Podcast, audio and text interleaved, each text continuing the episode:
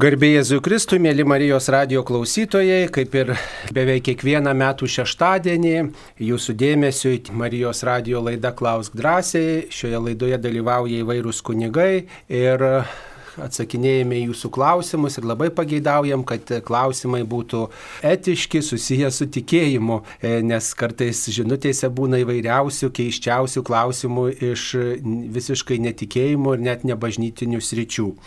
Šioje laidoje dalyvauja Kauno Šventojios dvasios bažnyčios vikaras, kunigas, teologijos licencijatas Sigitas Jurkštas, sveiki gyvi. Sveiki, garbėjai su Kristui. Ir e, prie mikrofono esu aš, kunigas Saulis Bužauskas. Laidos pradžioje noriu priminti, kad e, galioja tokia dabar naujovė įsitvirtino, kad galime paremti Marijos radiją skambindami telefonu 1622 e, ir taip galime paremti Marijos radijo veiklą 5 eurų auką ir taip pat skambindami telefonu 1623 galima paremti 10 eurų auką, nes dažnai klausytojai mūsų klausia, kaip galime šiuo laikotarpiu paremti Marijos radiją, kai kurie negali galbūt dėl įvairiausių priežasčių e, keliauti, tai štai yra tokia galimybė, dabar galima paremti ir didesnį auką, kas norėtų. Aišku, galioja ir kiti būdai paremti Marijos radijo veiklą, tai yra atnešti auką į Marijos radijo studiją, studiją, taip pat internetu galima auką perduoti arba per patikimą, jums patikimą žmogų. E, studijos yra Vilniuje ir Kaune. E, galima taip pat e, ir kit, surasti kitų būdų. Visuomet galima susiskambinti su Marijos radio redakcija ir aptarti, jeigu norite paremti Marijos radiją. Primenu, kad Marijos radijas gyvuoja tik iš tikinčiųjų aukų, neremia jokios kitos organizacijos, tik tai geros valios žmonės, už kuriuos nuolat melžiamės Marijos radijo švenčiausio sakramento adoracijoje, mūsų koplyčioje ir taip pat E, meldžiamės kiekvieno mėnesio 13 dieną Šiluvoje už visus Marijos radio aukotojus, klausytojus, geradarius ir aišku e, aukojamuose mūsų Marijos radio koplyčioje šventose mišiuose. Štai artimiausių metų, kovo 25 dieną, švenčiausiosios mergelės Marijos e, apreiškimo švenčiausiai mergeliai Marijai dieną, taip pat melsimės už visus mūsų geradarius ir tos mišios bus transliuojamos per Marijos radiją. Mums paskambino. Genuefa iš Visagino. Taip, Genuefa, klauskite, jūs eteryje. Gerbėsiu Kristus. Per amžius. Amen. E, aš norėjau įsiaiškinti iš Senojo testamento, Izaijo 65 skyrius, ten kur kalbama apie, e, apie šimtą metų, o man neaišku, ten parašyta, reiškia, jeigu kas sulauks šimtą metų, e, gyven bus kaip jaunas, o kas nesulauks šimto metų, bus prakeiktas. O man čia visiškai neaišku, apie ką čia yra kalba tokia. Taip, Izaijo 65 skyrius. Taip. E, taigi, na, aišku, tokį klausimą turbūt geriausiai skirti yra e, švento rašto žinovams, kurie tikrai specializuojasi toje srityje ir domisi daugiau. E, čia ko gero tokia daugiau simbolinė reikšmė, nereikėtų labai pažodžiu šito teksto suprasti. Taip, aišku, yra keli, keli variantai suprasti, va, kaip minėjo kunigas Saulis ir viena tai simbolinė reikšmė, kad Dievas duoda mums gyvenimo apščiai. Ir va, kaip skaitom visą Senąjį testamentą, nuo pradžių atrodydavo, kad ten pirmi žmonės gyveno labai ilgai, kiti jau trumpiau, tai vėlgi tai yra tas toksai e, simbolinis pasakymas, kad žmonės kuo labiau nusideda, tuo jų gyvenimas trumpėja ir, kitaip sakant, jų gyvenimas mažėja, jie turi vis mažiau gyvybės vis mažiau to gerumo, Dievo meilės savyje, e, vis daugiau blogio daro ir jų gyvenimas trumpėja. Tai vad, kada Dievas ateina į žmogaus gyvenimą, jisai e, tarsi na, atneša to gyvenimo apšiai, bet nereiškia, kad tas žmogus gyvens šimtą metų. Va, kaip daug šventųjų žinom, ir turėjo sunkes ligas ir va, ta pati šventoji Bernadeta Subiru, jinai 30 kelių metų mirė, nors e, lurde toje vietoje daug žmonių pasveiko iš lygų. Bet galima ir kita interpretacija, galbūt va dar jie, Dievas ruošia kažką tai, kada, na, va, ta mergelės Marijos nekalčiausių širdis triumfuos, kada galbūt ateis irgi, na, Jėzus su, po Jėzaus sugrįžimo mes nežinom, kaip bus, ar, ar čia nais visas tas pasaulis tiesiog išnyks, ar galbūt ir šitam pasauliu bus kažkas kitko. Tai čia mes galim dar tiesiog laukti, galbūt ta pranašystė išsipildys, bet aišku, mūsų viltis yra danguje. Na, mūsų viltis, ne, ne tai, kad danguje, bet mūsų viltis yra bendrystė su Dievu ir, ir tas bendrystė su dievu, su dievu gyvenimas atneša jau apčiai gyvenimą jau dabar. Ir aišku, amžino gyvenimo viltį. Skaičius šimtas reiškia pilnatvę tokia ir čia šitame skyriuje, e, Izaijo 65 skyriuje kalbama apie naują dangų ir naują žemę, apie tą naują, naują pasaulį, kurio lūkesti turėjo ir Senojo testamento pranašai ir e, visi žmonės e, trokšta tame pasaulyje dalyvauti. Tačiau jeigu E, jeigu žmogus renkasi nuodėmę, tai tarsi neturi tokios galimybės įžengti į, į tą ilgo amžiaus, į tą pilnatvę, į tą ilgo amžiaus laikotarpį, nesibaigiančio amžiaus laikotarpį. Tai e, todėl e, per atgailą kiekvienas gali vis dėlto na, simboliškai sulaukti šimto metų į tą pilnatvę įžengti. Bet dėkojom, kad klausėte, nes čia labai geras klausimas iš švento rašto. Nedažnai žmonės e, skaito šventą raštą ir nedažnai užduoda tokius klausimus. Taip, dabar dar vienas klausimas. Garbė Jėzui Kristui vakar e, Vilniaus Švento Juozapo kunigų seminarijos klierikai buvo paskirti lektoriais ir akolitais. Kokia tai tarnystė? Lektoriaus ir akolito tarnystė. E, Tai lektorius tas, kuris e, pašventinamas skaityti Dievo žodį, e, skelbti Dievo žodį, bet būtent tas, kuris skaito per mišes e, skaitinius, o akolitas yra tas, kuris patarnauja švenčiausiam sakramentui jau iš arčiau, tai gali ir dalinti komuniją, ir, ir dar atlikti kitus patarnavimus, ten taurį išvalyti ir panašiai, tai toksai žingsneliai tokie link, link kunigystės. Tai yra mažesniai šventimai, kitaip sakant. Ir dabar žinome, kad tuos e, lektoriaus ir akolito tarnystę gali priimti ir pasauliečiai, nebūtinai siekiantis kunigystės, bet tie žmonės, kurie štai lieka šeimų tėvais, šeimų E, motinomis, jie, jie, jie gali priimti tuos skirimus, čia tokie skirimai vadinami. Ir tas, kuris siekia šventimų, jisai vad pereina, kunigystės šventimų, pereina visus tuos etapus. E, e, lektoriaus kandidatas kunigystėje, lektoriaus tarnystėje paskiriamas, taip pat paskiriamas komunijos dalintojų, akolitų ir tuo, kuris gali štai patarna išvalyti šventuosius indus šventų mišių ir taip pat toliau laukia diakono šventimai, tada kunigystė šventimai. Tokia, tokia yra mm, eiga. E, mums paskambino. Birutė iš Suvalkyjos. Tai Birutė, klauskite. Gerbėsiu, kas. Per amžius. Aš jau čia tas klausimas, man reikia, aišku, jau dabar pasidarė per laiką, bet kažkaip iš karto tai man labai buvo neramu. Reiškia, šeštą gegužės vedė laidą tas tai Vytautas Brilius. Taip. Ir jisai, jisai taip pasakė, sako, visi kunigai sako, kad reikia eiti komunijos kuo dažniau. O aš sakau, kad eit kas, kas, kas du mėnesiai. Ir jisai sausai aiškiai pasakė ir nepaaiškino nieko. Paskui sekantį sekmadienį vedė Kazlauskas, še, šeštadienį, Kazlauskas vedė laidą. Aš uždaviau tą klausimą bet užstrigo man, esu garbaus amžiaus, užstrigo man pavardė to briliaus.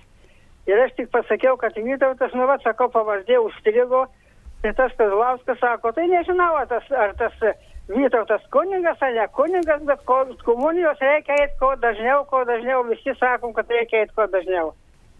Nu tai va, man, pastu, man dabar paskui daėjo per laiką, kad ko gero gal tas brėlius sakė, kad tos išpažinties eit kas du mėnesiai. Tai va, tai matote, jeigu jūs norite pasitikslinti, ką jisai sakė, reikėtų jam jam ir skambinti.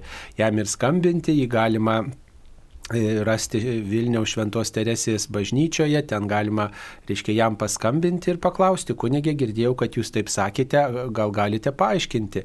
O šiaip tai tikrai komunijos reikėtų eiti kiekvieną kartą, kai pilnai dalyvaujame šventosiuose mišiuose ir kai mūsų širdies neslegia jokia sunki nuodėmė.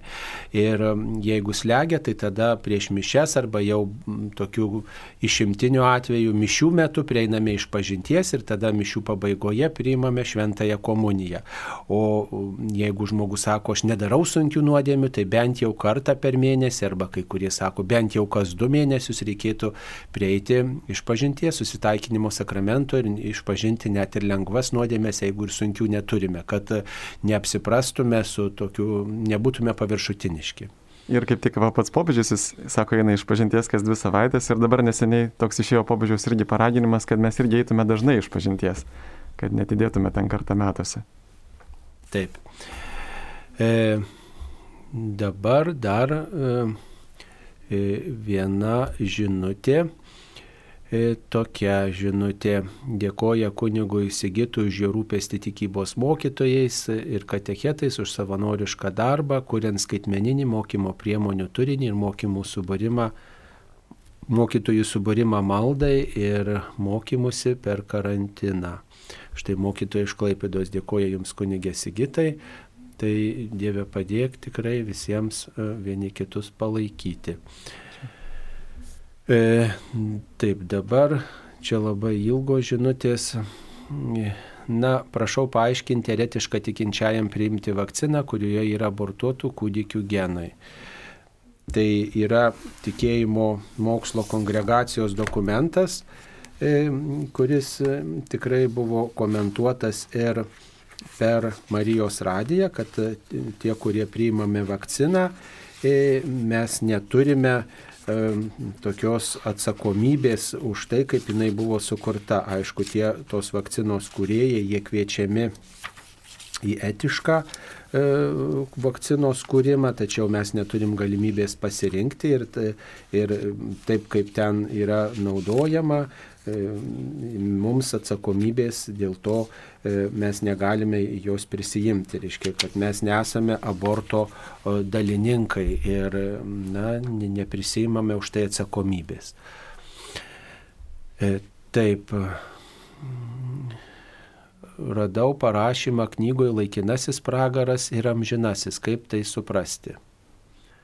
Nežinau, kokioje knygoje jūs radote tą, Tačiau tas laikinasis pragaras galime suprasti kaip tą laikiną kančią, kuri mus ištinka dabar pavyzdžiui, arba kai mes nemylim, kai atskiriam, kai renkamės nuodėmę, e, kai toks es, esame kažkokiu būdu atsiskyrę nuo Dievo.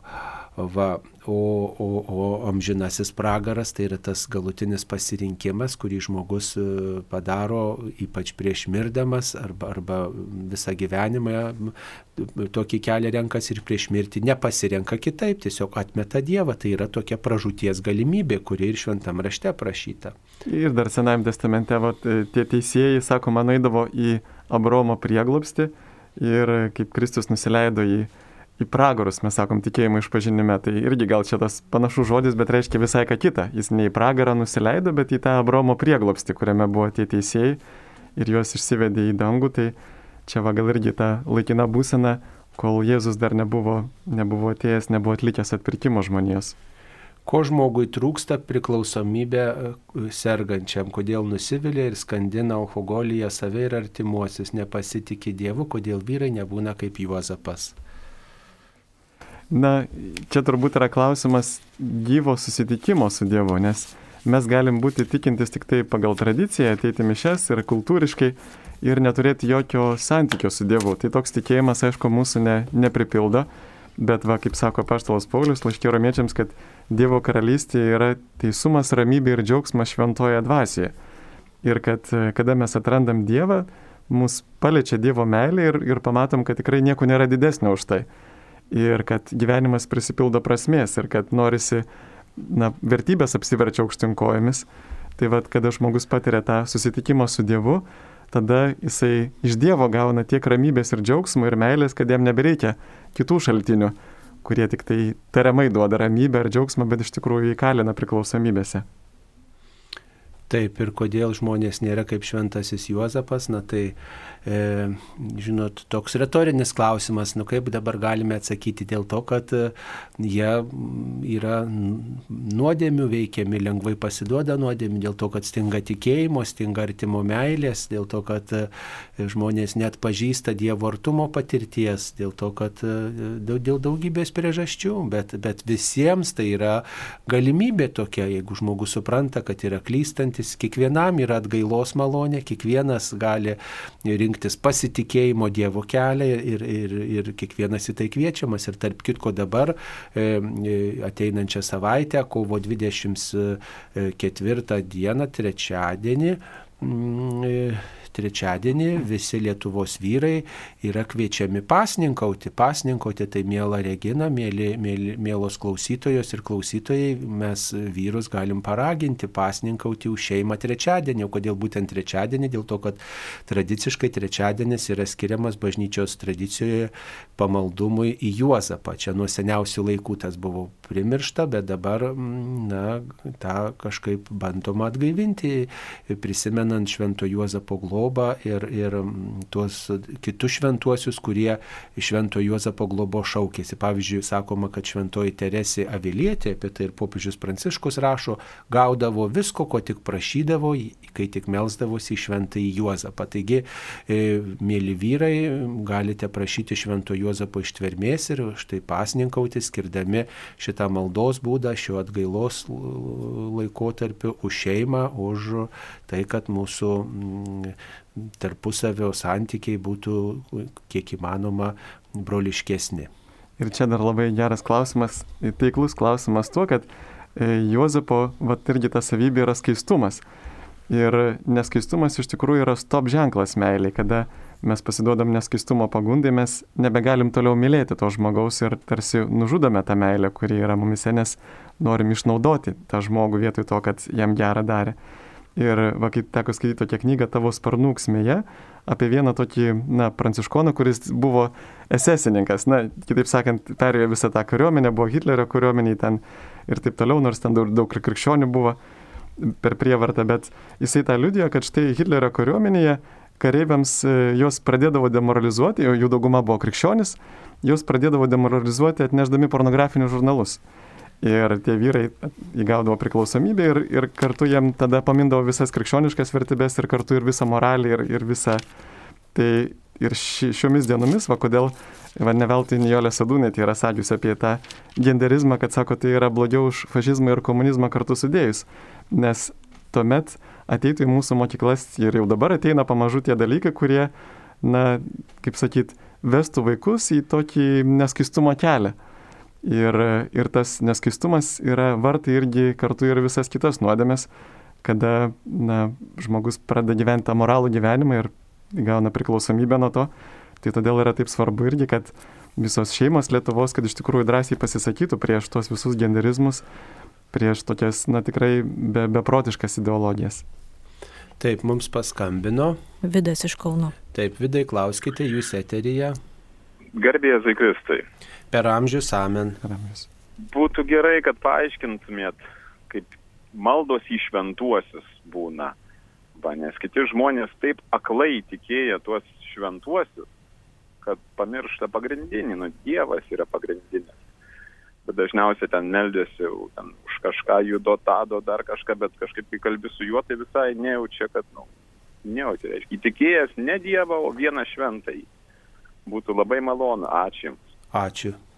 Jo, čia labai geras klausimas ir reikėtų gal iš pradžių žvelgti visų pirma, kai mes matom va tokius dalykus, atskirti tai, kas yra bažnyčios mokymas ir kas yra liaudiškas pamaldumas. Man tikrai pačiam teko nekartą dalyvauti, pavyzdžiui, vyksta švenčiausio sakramento adoracija. Ir, na, žmonės pasimeldžia Marijos litaniją, paskui Švento Jozapo maldą, Švento Arkangelo Mykolo, Antano litaniją, o kad ten yra švenčiausias sakramentas, kad ten yra Jėzus, tai niekam nerūpi. Tai iš tikrųjų kartais mes linkstame prie to ir, man atrodo, jeigu neklystu, mergelė Marija viena iš, viename iš apsiriškimų yra sakiusi, kad žmonės klysta visko prašydami tik tai kreipdamiesi šventuosius, bet kad svarbiausia melsti šventosios dvasios, nes kai turim šventąją dvasią, tada viską turime. Tai va irgi svarbu tas Dievo dovanas, jų, jomis nepiknaudžiauti. Nes, na, kiekvienas ta meldys tai yra tam tikra, kaip pasakyti, gero dalyko pastatymas į Dievo vietą. Na, apskritai mes tą meldystę galim iš visko padaryti, iš visų gerų dalykų. Artimas žmogus ten, nu, paimkim, kad ir, pavyzdžiui, nu, tokia internetą, ar ne, tai yra didžiulė dovana, pavyzdžiui, skleisti Evangelijai, bet kartu ir didžiulė dovana, tai yra didžiulė proga, reiškia, ir įgyti visokias priklausomybės ir, ir, ir visokiem kitiem blogiem dalykam, tai mes kiekvieną gerą dalyką galim panaudoti e, piktam tada, kada mes e, na, netvarkingai prie jo prisirišam, kada pastatom vietoj Dievo. Bet dar vienas dalykas yra tas, kad galbūt nereikėtų taip, e, na kaip pasakyti, tokio laikytis gal šiek tiek demoniško Dievo įvaizdžio, galvoti, kad Dievas yra kaip toksai, nu, vos ne kaip išpuikęs, e, reiškia, išpuikęs e, kuriejas, kuris labai labai pyksta, kai kažkas tik tai va, bando, na, kuris nenori dalinti savo garbę. Tai va mes matom kaip tik net ir iš Evangelijos, iš Jėzaus ir apaštalų laiškų irgi, kad Dievas mums žada garbę ir jisai pasidalina tą garbę ir kad e, va, tame šventųjų bendravime svarbiausia turbūt yra na, ne tai, kad, e, kad va čia dabar atimsi iš Dievo garbę pagerdamas šventai, bet svarbiausia yra meilė. Jeigu aš myliu Dievą, myliu artimą ir, ir jeigu aš jaučiuosi va šventųjų šeimoje, tai aišku, aš galiu prašyti užtarimo, jeigu gyvų, gyviesi mes vieni kitiems prašome užtarimo, tai tuo labiau galim ir, ir mirusiesiam prašyti, o prisimenu tas garsus evangelikų pamokslininkas Billy Greimas, Billy Gregamas yra sakęs, kad jeigu vieną dieną jums sakys, kad aš esu miręs, bet jūs netikėkite, nes aš būsiu gyvas kaip niekada. Tai reiškia, kada mes nueinam prie Dievo sosto, mes dar, dar labiau, va, tie šventieji gali mūsų užtarti. Tai aišku, yra gera prašyti užtarimo, bet jūs teisingai pastebėjote, būtų netvarkinga pamiršti Jėzų. Čia yra mūsų tikslas ir, ir per Jėzų mes esame išgelbėti. Taip, ačiū. E, e, dar vienas klausimas apie ištrauką iš antrojo laiško korintiečiams šeštojo skyriaus pirmąjį lūtį. Nerimkite Dievo malonės veltui. Taip apaštalas Paulius rašo korintiečiams. E, ir ką tai reiškia, neimti Dievo malonės veltui. Turbūt tai reiškia, kad mes norime tas dovanas priimdami iš viešpaties ir priimti tai, kam jos įpareigoja. Pavyzdžiui, žmogus nori priimti krikšto. Krikštą. Krikštas yra dovana. Bet jeigu žmogus nenori gyventi taip, kaip Kristus moko, nenori e, melstis, šauktis Dievo, nenori priimti visų krikščionių įsipareigojimų, tai priimdamas krikštą jis priima tą malonę veltui. O taip paaiškintume. Arba dar, kad e, tą malonę priimti, bet jos nepanaudoti. Nu, pavyzdžiui, E, melsis, maldoje gauti troškimą daryti gerą ir, ir visai neatsiliepti į tą troškimą daryti gerą, nieko gero nepadaryti. Gal ir tokia galima interpretacija. E, taip, dar viena žinutė. Ar nebūtų galima paukoti Lietuvą švenčiausiai Jėzaus širdžiai, nekalčiausiai Marijos širdžiai? Pavyzdžiui, visi viskupai, kunigai, tikintieji susitarė melstis tą pačią valandą, melsdamiesi aukodami savo maldas, kančias pasniką ir prašydami atsivertimo visai žmonijai, vaduojantis iš genderizmo ir kitų ideologijų, kurios prieštarauja krikščioniškoms vertybėms. Čia iš tikrųjų labai geras pasiūlymas ir jau, jau buvo tų paukojimų, aš tiek, tiek prisimenu, tai net nepriklausomybės pradžioje yra Lietuva paukota švenčiausiai Jėzaus širdžiai ir paskui prieš abiejų popiežių apsilankimus, neilgai trukus prieš juos, tai buvo paukoti nekalčiausiai Marijos širdžiai. Va dabar paskutiniu metu atrodo per trakų, kai buvo trakuose, tai tikrai nepamenu, kada. Metai, taip. taip. Tai nežinau, ar planuoja viskupai dar kartą irgi atnaujinti tą pasiaukojimą. Nu, matot, mums atrodo, kad Dievui tai pavėdžiau ir, ir viskas, bet mums ir patiems reikia turbūt bendradarbiauti su mūsų maldomis, su tuo mūsų tikėjimu, su pasitikėjimu. Reiškia, e, daryk, ką gali ir pasitikėk Dievu. Reiškia, daryk, ką gali, ne tik tai snausti ir rankas sudėjus būti, bet daryti. E, melstis ir galvoti, kad viskas priklauso nuo Dievo ir dirbti, prisiminti, kad viskas priklauso uh, nuo manęs. Reiškia, čia yra bendradarbiavimas, kai kai ir, ir dirbau ir galvoju, kad, reiškia, vis dėlto Dievas dalyvauja mano veikloje, bet kartu ir pasitikiu Dievu, bet nesnaudžiu ir darau kažką. Tai čia bendradarbiavimas yra. Tai e, paukojimai buvo ir tiesiog ir jie nuolat vyksta tokiu gal mažesniu masteliu, tikrai kiekviena yra tam tikros progos, kada tikrai tie pasiaukojimo aktai kalbami, pavyzdžiui, Marijos radijai, juos dažnai galima girdėti, e, kai pavedame visi kartu melzdamiesi rožinio maldą, pavyzdžiui, pasiaukojame nekalčiausiai mergelės Marijos širdžiai. Bet čia yra toks pavojus, kad dažnai tariami maldo žodžiai, jie lieka tik žodžiais, nepaliečia mūsų širdies ir neišreiškia tos tikrovės, e, kurią jie e, skelbia. Kodėl laidos Euharistijos liepiniai nėra įrašo archyve? Dėl to, kad e, knygų ištraukas mes nededam į archyvus, knygų ištraukas, knygas reikia skaityti patiems ir, ir tiesiog čia autorinės teisės yra ir panašus dalykai, tai taip kad e, laidos, laidų įrašus galima rasti, o kai skaitome knygas, tai tiesiog vad girdime, bet ta, kas nori atsisiųsti ar ką reikia imti knygą ir skaityti pačiam. Tai ir taip labai dažnai tas Euharistijos slėpinys, toji knyga skamba per Marijos radiją ir tikrai galima klausytis ir įsidėmėti sakomas mintis. Mums paskambino. Klausytoja Liucija Elvyra iš Panevežio. Taip, klauskite. Garbėsiu, kaisai. Per amžius. Mane kankina labai vienas klausimas, nes artimieji kažkaip perėjo tikėjimą metodistų. Ką tai reiškia? Metodistų tikėjimas. Na tai yra protestantiška tokia bendruomenė, e, kilusi iš angliakalbių kraštų ir toji bendruomenė, e, jie ne, ne, neturi taip, kaip mes suprantam, sakramentų šventimo, teikia pirmenybę šventam raštui Ir taip pat mm, toji bendruomenė e, skaito e, tą šventą raštą susirinkimuose. Mm, e, nors ten turbūt yra, kiek prisimenu, kunigystės ir diekonystės tarnystė, tačiau ji neturi toji tarnystė tos apaštalinės sukcesijos, kaip mes ją suprantame. Tai yra nuo pirmųjų apaštalų amžių, nuo to laikotarpio, kai gyveno apaštalai, kai jie nenutrūkstamų būdų tą kunigystės dovaną nuo Kristaus laikų iki mūsų tiesiog nutėsė tokį kelią. Ir metodistų bažnyčioje to nėra. Dar kunigė gal ką pridėsite? Taip, ir, ir mes kartu iš tų protestantiškų bendruomenių galim irgi daug ko pasimokyti. Ir, va, pavyzdžiui, pasimokyti ir tos meilės šventam raštui, apie kurią jau visi popiežiai pastarųjų dienų irgi visą laiką kartoja, kad, va, kaip ir popiežius Pranciškus, sako, kad o, kaip būtų gerai, jeigu mes šventą raštą nešiotumės taip kaip telefoną ir taip pat dažnai atsiverstume, kaip, kaip ir savo telefonų žinutę skaitom. Ir taip pat e, protestantiškos bendruomenės jos irgi yra gyvos kartu ir tuo, kad na, jos irgi kreipia dėmesį į bendruomenę. Vat ne, ne, neretai girdžiu iš katalikų, kad sako, va, pas katalikų mes ateinam į katalikų bažnyčią, pasimeldžiam ir išeinam. Ir nėra jokios bendruomenės.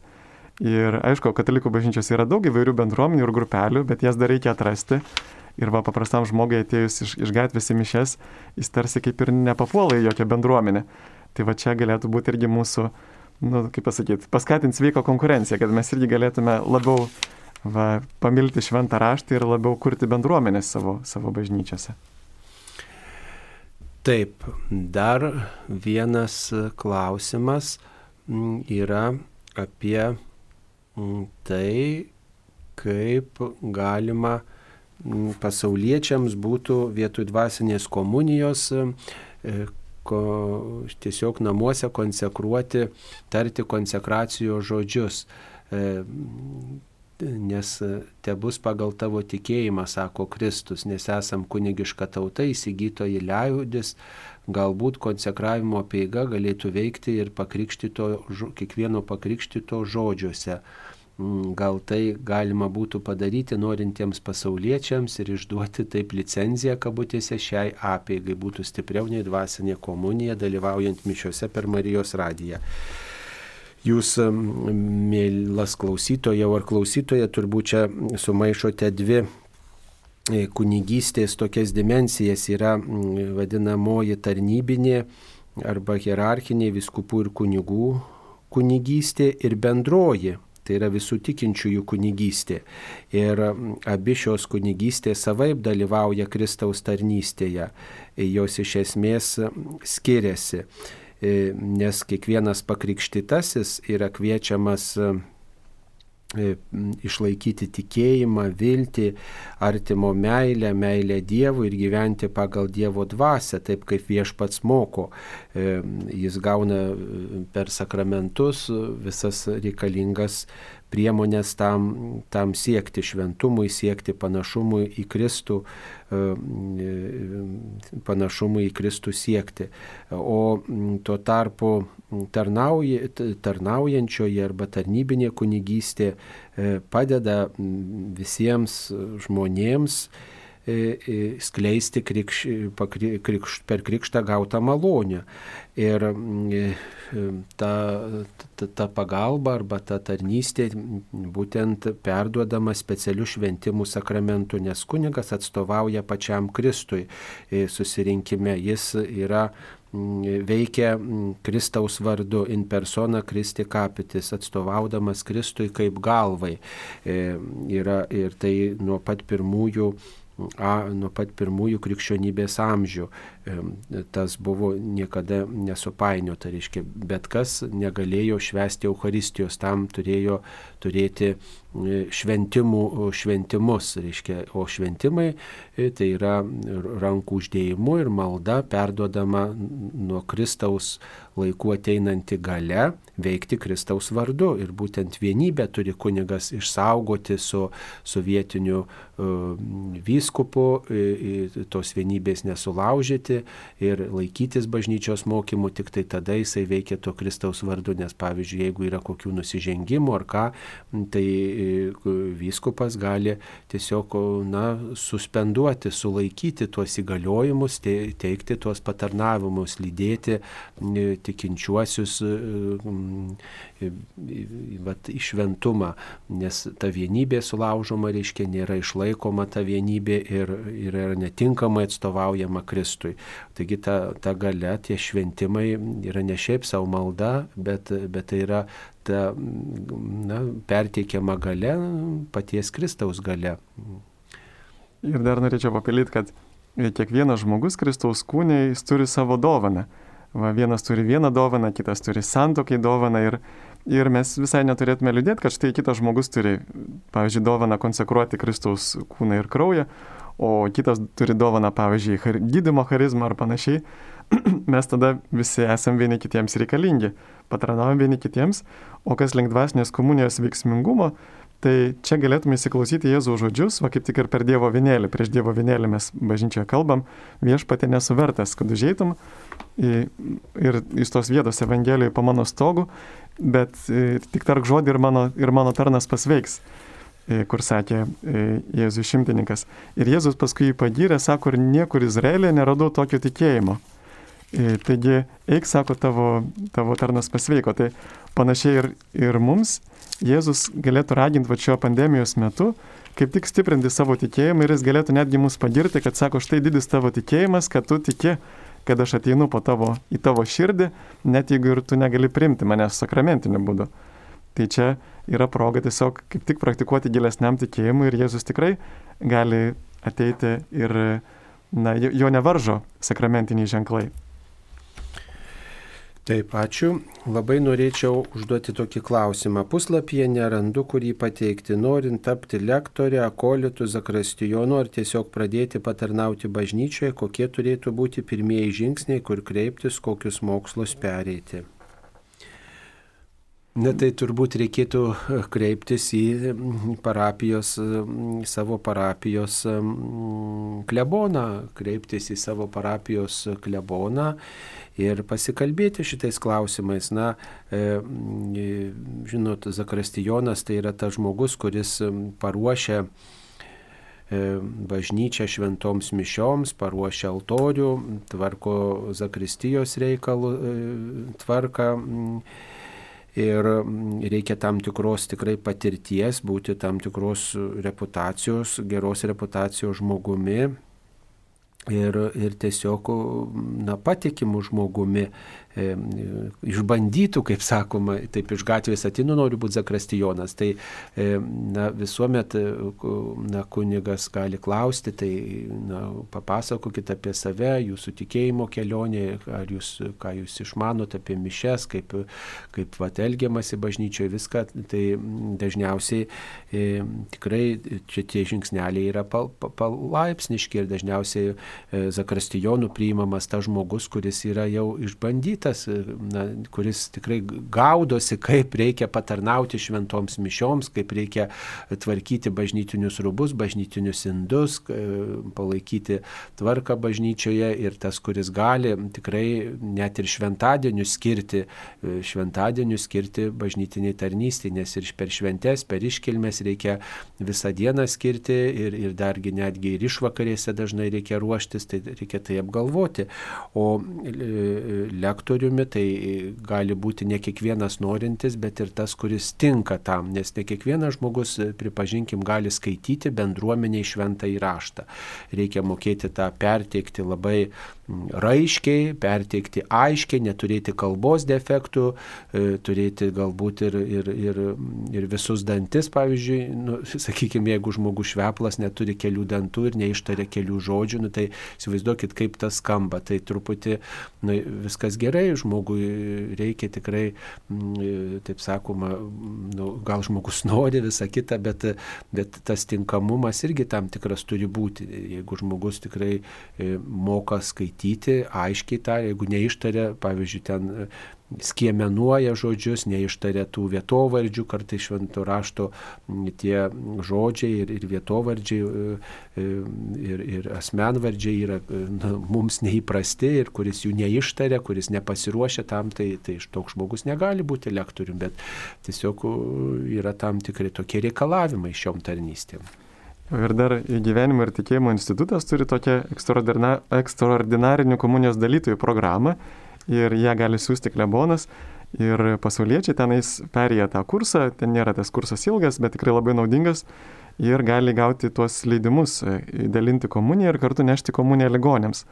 Tai bažnyčiose tikrai ta tarnystė labai reikalinga, ypatingai didesnėse parapijose, ypatingai vat, ligonių lankymas yra tikrai labai daug laiko E, reikalaujantis dalykas ir jeigu kažkas padėtų kunigui, tai būtų labai gerai.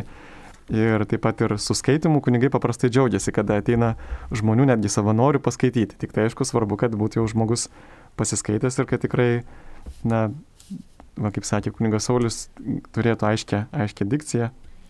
Na, gali kunigas paprašyti ir Zakristijoje jūsų paskaityti, pavyzdžiui, kokį nors tekstą iš šventojo rašto, tai prašom neįsižeisti, jeigu jis to paprašys. Taip, mums paskambino. Sabina iš Marijampolės. Taip, Sabina, klauskite jūs eteryje. Sveiki, gyvi. Noriu išsiaiškinti, ar gali viena raidė pakeisti maldos esmę.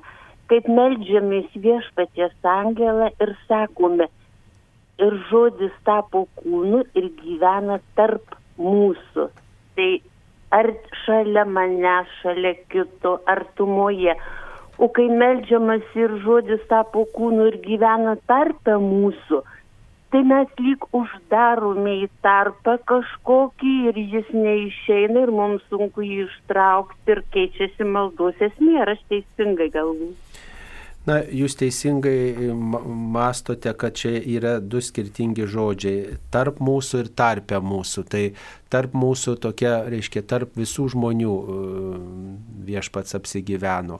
O tarpe tai reiškia, vat, yra nu, du kažkokie kūnai ir tarp jų yra, yra kažkoks tarpelis. Tai va tam tarpelį, tarpe, sako, nu, į tą tarpą įdėk kažkokį ten, taip sakant, daiktą. Tai, e, tai, tai tokie skirtingi žodžiai yra ir tiksliau reikėtų sakyti tarp mūsų.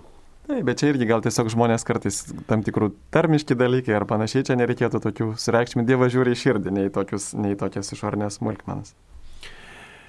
Taigi, na, klausimas dar yra apie šventąjį Patriką. šią savaitę gana iškilmingai švenčiama Švento Patriko diena, kodėl tokia šventė beveik nežinoma Lietuvoje. Dėl to nežinoma, kad šitas žmogus yra keltų misionierius ir laikomas pagrindiniu Airijos šventuoju. Jo mirties data yra penktasis amžius 460 metai, mirė sulaukęs turbūt e, beveik 70 metų ir sakoma, kad jis štai daug kalbėjo apie švenčiausiąją trejybę ir dėl to Airijoje labai dažnai e, yra vaizduojamas dobelėlis trilapis ir jisai siejamas su šventuoju Patriku, nes štai Patrikas iškėlė dobilo lapelį ir sako, yra vienas dobilas, bet yra trys lapeliai, vienas Dievas, trijose asmenyse. Na, jisai buvo vyskupas, o Lietuvoje tas kultas tiesiog neišpopuliarėjęs, ne nes jis su Lietuva nėra taip labai susijęs. Tai e, Airijoje jisai ten skelbė Dievo žodį ir, ir ten jisai pažįstamas ir ten jo kultas puoselėjamas, o čia tiesiog na, nebuvo kažkokių sąsajų, nebuvo tų, kurie platintų šitą kultą. Tai galbūt atsiras tų, kurie štai misionieriai e, ten nuvažiavę šiais laikais krikščionis e, e, susižavėję Patriko užtarimu, globa, patyrę jo, jo, jo užtarimą, štai grįš į Lietuvą ir sakys, žinot, Patrikas yra labai puikus šventasis, mes va Airijoje gyvenom, duonos kasnio neturėjom, darbo neturėjom, šaukėmės Patriko ir mūsų tikėjimas buvo stiprus ir viską gavome. Kodėl pamiršot Patriką? Štai maldos, melskimės. Na va, tai čia nuo to priklauso ir tas kulto paplitimas, turbūt žmonės perdoda vieni kitiems, kad štai tas šventasis yra tikrai, na, va, patyriau, veiksmingas jo užtarimas, tas šventasis tikrai man mielas ir, ir tu melskis. Tai Tai aišku, gal labiau tas kultas populiarus yra ne, ne tiek dėl jo užtarimo, kiek dėl pramogos, nes žmonės labai įspūdingai švenčia, apsirengia žaliai, upes žaliai nudažo ir panašiai, na tokia labai įdomi, įdomi keista šventė. Tai kažin ar čia dėl jo paties užtarimo žmonės taip mėgsta tą šventę. Taip, mums paskambino. Gediminas iš Anikščių rajono. Gediminai, klauskite. Garbėjai Jėzui Kristui. Per amžius. Noriu paklausti tokio klausimo. Reiškia, su moterim viena kalbėjau ir jinai sako, reiškia, kai aš pagalvoju, sako, nu, ta prasme, jeigu turiu kažkokių problemų, sako, va aš apie tą žmogų pagalvoju ir jis įsprendžia mano problemas. Tai kas čia per žmogus toks turėtų būti, kad čia tai būtų? Nes, nu, aš tai prašau šventosios dvasios, kad ten problemos įsispręstų, kviečiu, tik tada įsisprendžia. O čia, va, apie žmogų pagalvojau ir jau ten kitą dieną problemos įsisprendžia. Tai vad ką tai reiškia, kas čia per žmogus toks turėtų būti? Nu, nežinau, aš niekaip negalėčiau pakomentuoti. Na, man atrodo, kad jeigu vakartais būna, kad Dievas išklauso šventų žmonių, tai pavyzdžiui, kad tikrai tie, kurie šventai gyvena, nu kaip ir šventajame rašte parašyta, kad Dievas nusidėlio neišklauso, bet jeigu kas yra teisus ir vykdo jo valią, to išklauso. Bet jeigu tas žmogus būtų šventas, jis nesigirtų, kad štai aš pagalvoju ir, ir tam žmogui viskas įsisprendžia. Tai jeigu žmogus giriasi, tai greičiausiai yra jo tokia, nu kaip pasakyti, puikybė ir vaizduotės vaisius. Būkite atsargus su tokiais, kuriems visos problemos įsisprendžia jų pačių gale, jų pačių e, vien tik mintimis ir e, tikrai žmogus e, gali spręsti problemas ir, ir, ir kiekvienas mes bendradarbiaujam, spręsdami įvairiausias problemas, tačiau nėra viskas jau taip absoliučiai mūsų galiui ir veikti kitus žmonės ir visiška, visas problemas visiškai pilnai išspręsti. Tai Na, turbūt čia tikrai reikėtų na, sužiūrėti su tam tikra tokia atsarga, kaip sakoma, atsargiai žiūrėti į, tokias, į tokius svarstymus. Dėl to, kad tai puikybė. O už puikybę žinom, kas lepiasi, iš kur kyla puikybė. Mums paskambino. Elena iš Panevežių. Taip, Elenute, klauskite, girdi visą Lietuvą. Per amžius. E, vakar kalbėjo Paulius Vaineikis Rožinė iš Kretingos. Taip. Ir sveika Marija, tu pagirta, pagirta, o jis kalbėjo palaiminta. Gal, taip. gal čia labai, labai gražu, bet gal visi galėtų taip kalbėti. Gal čia naujas koks patvarkymas yra? Ne, nėra tokio naujo patvarkymo. Taip, kol kas galioja tos maldos, kurias mes visi mokam, pagirtas tavo sunus Jėzus, tačiau, nu, tokių vis svarstymų pasigirsta išgirsta, kad reikėtų na, artėti mums šioje maldoje prie originalaus teksto, tu labiausiai palaiminta tarp visų moterų ir palaimintas tavo iščių vaisius, bent jau lotiniškas vertimas, šitos maldos vertimas į lotynų kalbą tą taip išreiškia.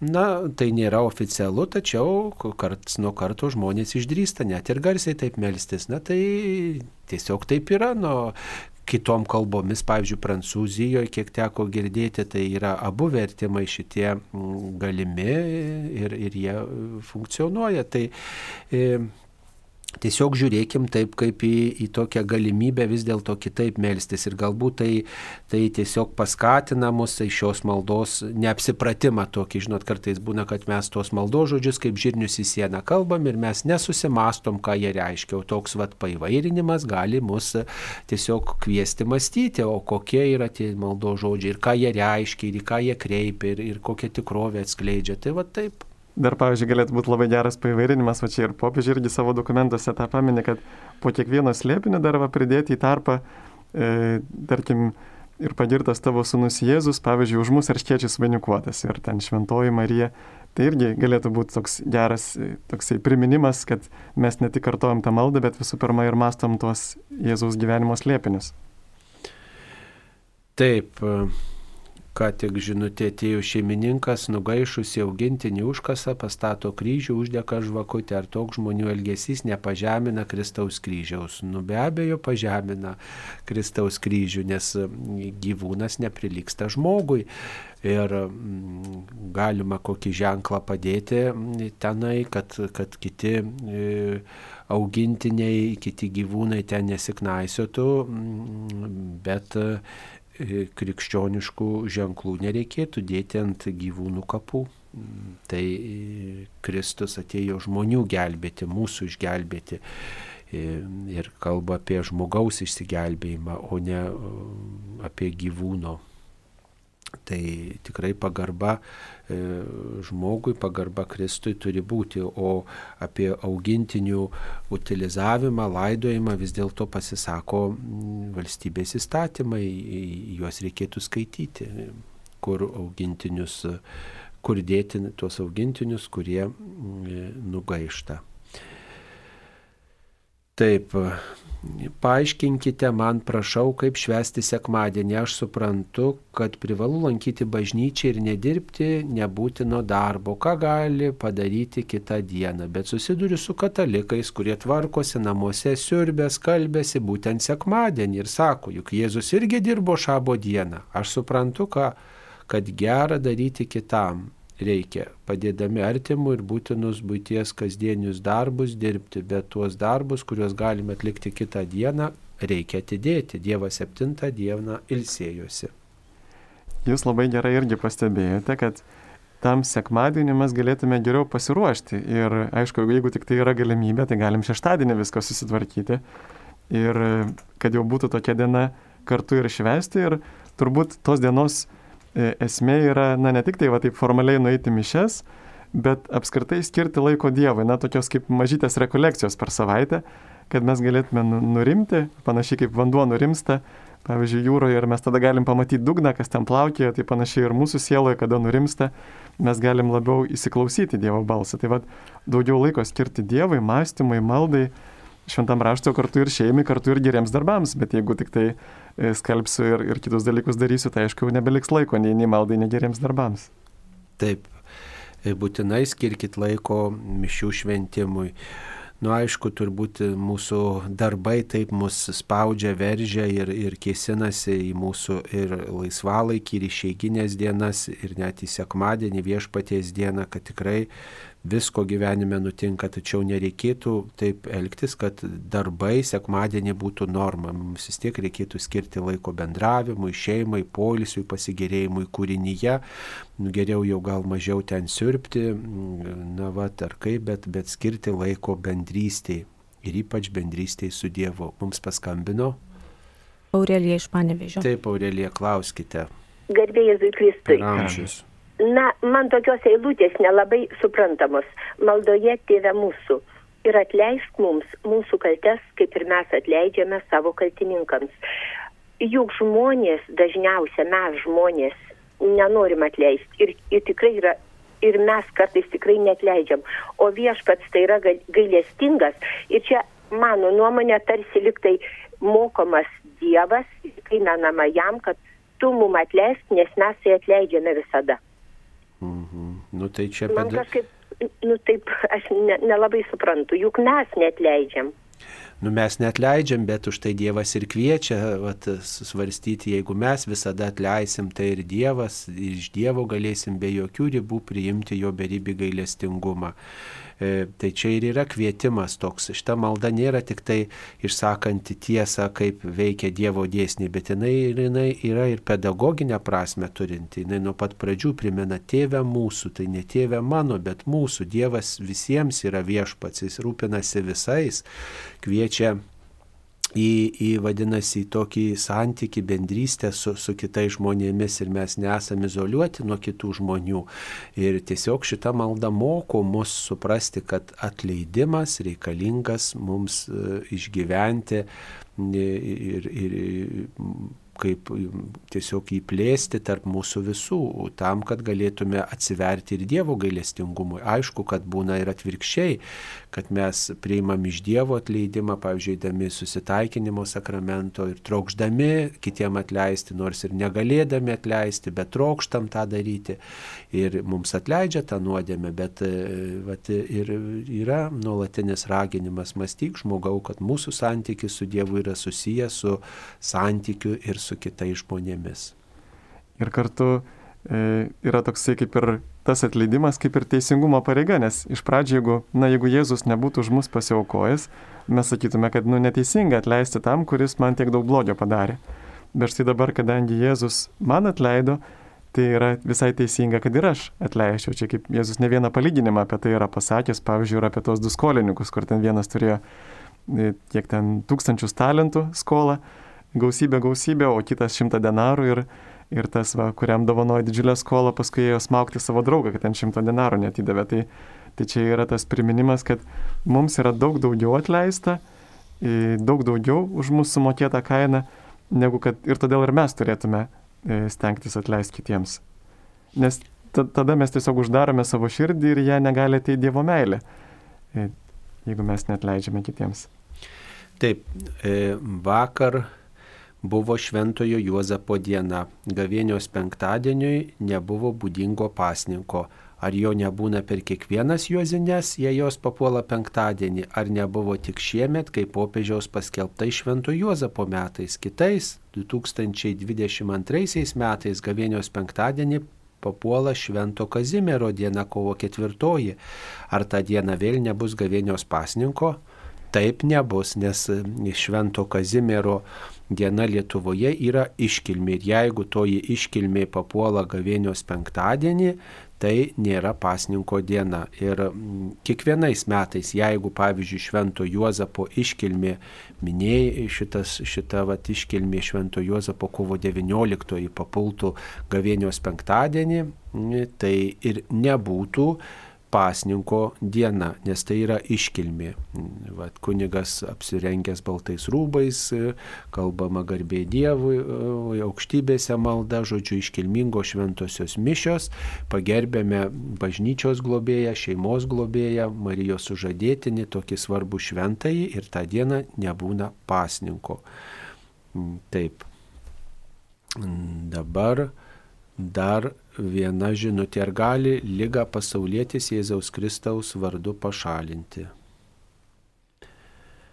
Mes galime prašyti, visą laiką galima prašyti išgydymo, bet gal visą laiką yra geriau, na kaip pasakyti, aišku, yra tokių praktikų, kada e, Jėzus Kristos vardu įsakoma, kad lyga pasišalintų ir, ir tikrai esu skaitęs apie tokius dalykus. Man, pavyzdžiui, labai įspūdingas buvo liudijimas e, knygoje laimingiausi žemėje žmonės veikliųjų vyrų e, šito įkūrėjo Demoso Šakarjano ir jisai ten liudijo apie vieną tokį gydimo charizmą turinti krikščionį, kuris tiesiog įsakė, kad pasišalintų lyga ne tik nuo žmonių, bet ir nuo, nuo gyvulių, kur visa ferma buvo apėmusi lyga.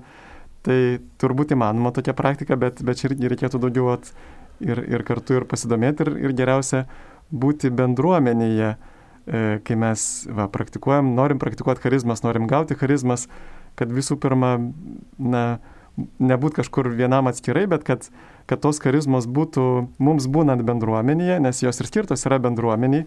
Ir va kaip Emiliano Tardif, toks kunigas, kur turėjo gydimo dovaną, jis irgi sakydavo, kad iš pradžio aš labai daug medžiausi už ligonius ir ne vienas nepasveiko. Bet sako, aš ir toliau medžiausi ir Dievas man davė iš gydimo dovaną, charizmą. Ir sako, galbūt Dievas neduoda tų charizmų tuomet, kai mes jų tiesiog nenaudojam, neprašom. Tai va yra, yra gera bandyti naudoti E, na, prašyti išgydymo ir galbūt Dievas duos tą charizmą. Kaip tik čia buvo toks e, diskusija antro Vatikano susirinkime, va ypatingai dabar čia pastarajam šimtmetyje įsibėgėjus tam charizminiam atsinaujinimui. Atsinaujinimui šventoje dvasioje, kur tikrai judėjimas apėmė visas e, krikščioniškas denominacijas ir kartu tikrai pradėjo vėl įvykti tie ženklai, stebuklai, išgyjimai. Ir, ir paskui antro Vatikano susirinkimo tėvai buvo ten dvi tokios nuomonės. Viena, kad tik šventiesiems Dievas duoda tą dovaną, o kita, kad duoda visiems charizmą, bet kam, kad jis taptų šventu. Tai va vis dėlto buvo prieita prie tos antros nuomonės, kad tikrai Dievas gali duoti charizmą gydimo net ir žmogų, kuris nėra šventas, bet yra pašauktas į šventumą. E, tai pasauliečiai taip pat gali gauti gydimo dovaną, tačiau toks pasaulietis turi turėti dvasinį palydėjimą, dažnai eiti iš pažinties, Eucharistijos tiesiog na, yra pavojai tam tikri turint Dievo dovanas, pavojai vis dėlto save sureikšminti ir ypač gydant gydimo dovaną turinčiam žmogui tai yra ypatingai didelio reikia nuolankumo, subtilumo ir bendradarbiavimo su bažnyčia, per kurią veikia viešpats. Bet čia reikėtų dar būti labai budriems, kad e, nepradėti e, patiems taikyti ezoterinių praktikų ir, pavyzdžiui, reikia Vat yra tokia irgi praktika, kur tikrai yra okultizmas, magija, kur išventinimai, reikia pinigus mokėti už išventinimus ir tu gauni kažkokią tai neva gydimo dovaną, kaip jie sako, va, tą pačią kaip ir Jėzus gydė, bet tai yra tikrai visiška apgaulė.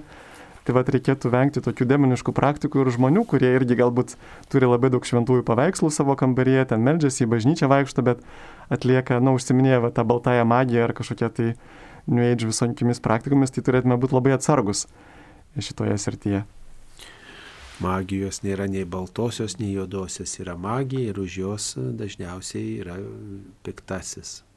Taip, tai dabar padarysime pertrauką ir jos metu pasiklausysime kretingos pranciškoniško jaunimo atliekamos gesmės Jėzau meilė tava gydo mane.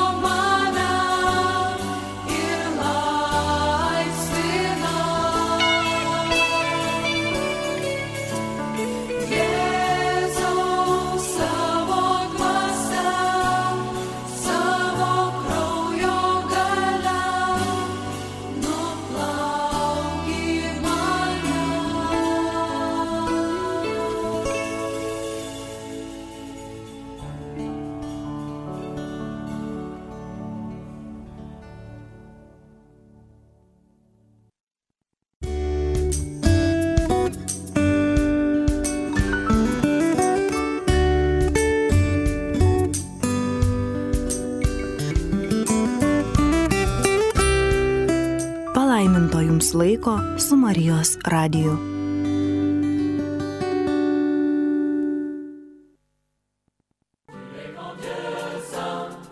Loué soit ton nom, tu es grand Dieu fort, et nous célébrons Dieu de tendresse, ta miséricorde et ton amour, tu es grand Dieu. Pokalbių laida Klausk drąsiai.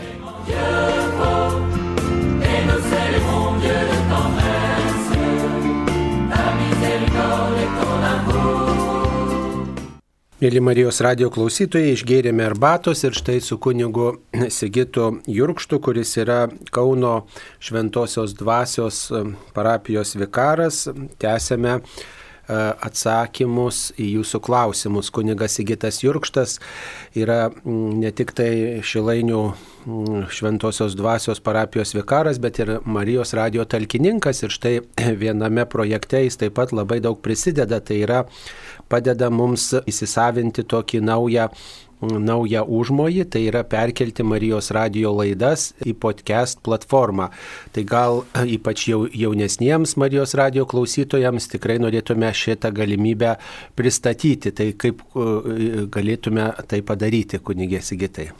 Taip, tai tie, e, liaudiškai tariant, podcastai arba tinklalaidės, jos yra labai populiarėjantis dalykas, nes, na tai kaip ir panašiai kaip radio laidos garsų įrašai, bet kiekvienas gali jas e, paskelbti internete ir kartu yra galimybė, kad na, tos tinklalaidės mes galime klausytis, tiesiog tos programos padeda mums klausytis iš eilės tų tinklalaidžių, nereikia ieškoti kiekvienos laidos, bet mes jau turim, pavyzdžiui, visą, visą grojaraštį jų.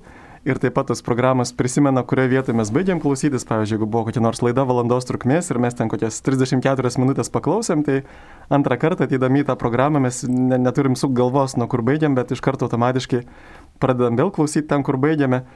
Tai kitaip sakant, yra, nors Marijos radio tinklapyje yra galimybė parsisiųsti kiekvieną laidą, bet e, tiem, kas e, galbūt norėtų, pavyzdžiui, tarkim, kokios nors vienos laidos, vienos programos ir norėtų visas laidas iš eilės perklausyti, tai yra daug patogiau va štai e, su kokia nors, na, per kokią nors tinklalaidžių platformą. Ir tų podcastų arba tinklalaidžių platformų yra daug ir įvairių. Mes įkėlėme tas laidas į, į, į keletą tų platformų ir į Spotify, ir į ten kitos yra Pocket Cast, Stitcher, įvairiausios e, podcast index ir taip toliau. Na, galim tiesiog vieną vertus susirasti per, per Google paiešką, įvesti Marijos radijas ir ten išmes įvairių, įvairių platformų, kur ten yra atskiros laidos sukeltos, atskirų laidų, tos, nu kaip pasakyti, tie grojaraščiai atskirų laidų. Tai dabar, jeigu norėtume naudotis, reiškia, podcastų, ką, ką reikėtų turėti, mobilų telefoną turėtų, tas mobilus telefonas turi turėti internetą ir tada reikia mums surinkti per internetą kokį žodį. Taip. Tai, aišku, čia ne tik, ne tik per mobilų telefoną, bet ir, ir per kompiuterį galim irgi klausytis. Tai, aišku, per mobilų patogiau, jeigu kažkur keliaujam, važiuojam. Tai patogiausia gal siūlyčiau naudotis vis dėlto Spotify programėlė, jinai yra populiari muzikos klausimusi ir taip pat yra ir, ir tinklalaidės joje. Galimybė klausytis tinklalaidžių, tai va, parsisiųsti reikėtų programėlę Spotify, Spotify rašosi, jeigu taip lietuviškai, ir paskui toje programėlėje galėtume susirasti tiesiog įvesti Marijos radijas. Ir toje paieškos, tarp paieškos rezultatų mes atrastume, kad yra ir įvairių tinklalaidžių podcasts ir, tai reiškia, kiekvienai laidai Marijos radio yra atskiras e, grojaraštis, atskiras, atskira tinklalaidė. Tai va mes tiesiog labai paprastai parsisiųsti programėlę Spotify, įvesti paieško žodžius Marijos radijas ir pasirinkti norimą laidą. Arba yra ir bendras, bendras grojaraštis visų laidų, arba yra atskirų laidų grojarašiai. Mes tiesiog galime na, prie tų grojaraščių užsiprenumeruoti ir, ir galime juos, pavyzdžiui, parsisiųsti kai kurias patikusias laidas, nepatikusias archivuoti ir taip toliau. Ir, na, tiesiog tai yra žymiai patogesnis būdas klausyti iš eilės daugiau laidų ir nepergyvent ten, ten kurioje vietoje aš ten ar nebaigiau klausyti, ar, e, žodžiu, kad tai yra daug patogiau. Tai yra tokia platforma ir įsiminkit žodį Spotify. Per jį galime surasti Marijos radio programas ir jų klausytis net ir mobiliajame įrenginyje atsisiuntus ir net jeigu ir nėra interneto jūsų vietovėje atsisiuntę, kur buvo tas internetas, galime klausytis per mobilų įrenginį. Taip, mums paskambino. Algis iš Kauno. Taip, Algis. Per amžius. Aš norėčiau jumis paklausti apie laidojimo tradicijas.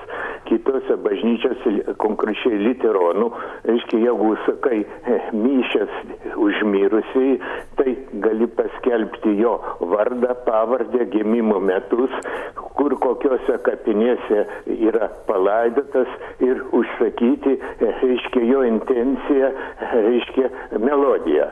O pas mumis dabar na, sėdi bažnyčioje ir pasako, kad vat, už, už Pietruitę, Jonytį ir suprantate, ir sėdi bažnyčioje ir susi, negali susigaudyti, ar čia mano artimas žmogus, ar aš jį pažįstu, ar ne.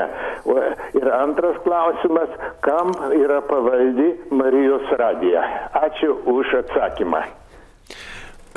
Marijos radijas yra pavaldus pasauliniai, Marijos radijo šeima yra tokia įstaiga, kuri štai, na, taip sakant, yra pasaulinio tinklo dalis, e, tik tai pritaikyta Lietuvos poreikiams. Dabar dėl laidojimo tradicijų, tai Lietuvoje taip susiformavus tokia tradicija, kad skelbti tik tai žmogaus vardą, nes jeigu pradės skelbti ir gimimo metus, ir kur palaidotas, ir pavardę, tai tada tie sąrašėliai bus labai ilgi ir bus labai nuobodu.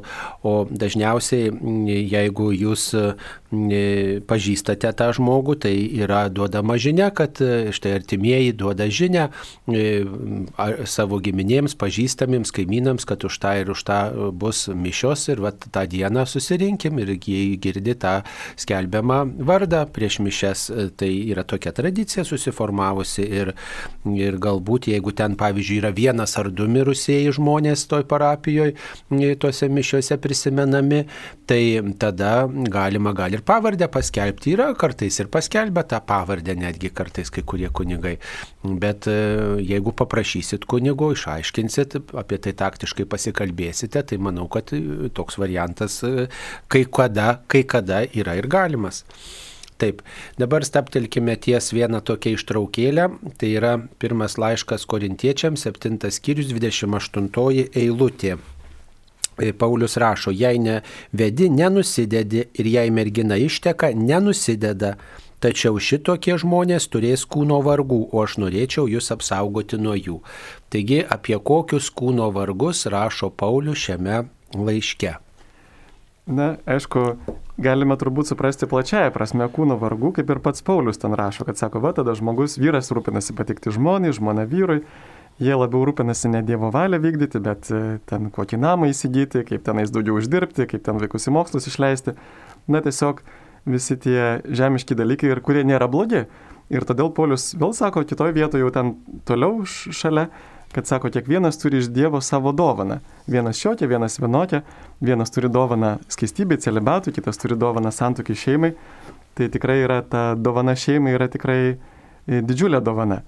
Bet va, kartu Paulius ir ragina ir, ir apie tokį, tokį irgi vienuolišką pašaukimą, kunigišką pašaukimą na, turbūt reikėtų mm, ne tik tai galvoti apie intimius santykius šioje vietoje, kad jau jeigu veda e, ar išteka žmogus, tai, tai reiškia yra intimus santykiai ir, ir čia apie tai. Mm, vis dėlto turėtume truputį plačiau šitą mm, švento rašto vietą skaityti, nes kūnas nėra tik tai intimų santykiai, kūnas tai yra visa tai, kas susijęs su materialumu. Ir tas turės kūno vargų, tai reiškia bus saistomas įvairiausių poreikių. Reikės ir maistą pirkti, ir, ir, ir puošti savo žmoną, ir, ir tiesiog rūpintis kasdieniais dalykais, kurie būtimi labiau rūpintis, negu kad negu kad vienas žmogus, štai gal turi mažiau tų rūpeščių, ar pavalgęs, ar ten taip apsirengęs, ar kitaip, ar, ar ten taip susitvarkęs, ar kitaip jam yra gerai. O kai štai yra šeima, yra kitas žmogus, yra vaikai, yra daugiau tokių rūpeščių, šeimininių, būtinių rūpeščių, kurie kurie tiesiog materialūs tie rūpeščiai labai susaisto ir atitraukia galbūt kartai žmogų ir nuo Dievo. Tai toks būtų komentaras. Nerima kelia bloga sveikata, bet norėčiau sekmadienį eiti į mišes ir priimti sakramentus.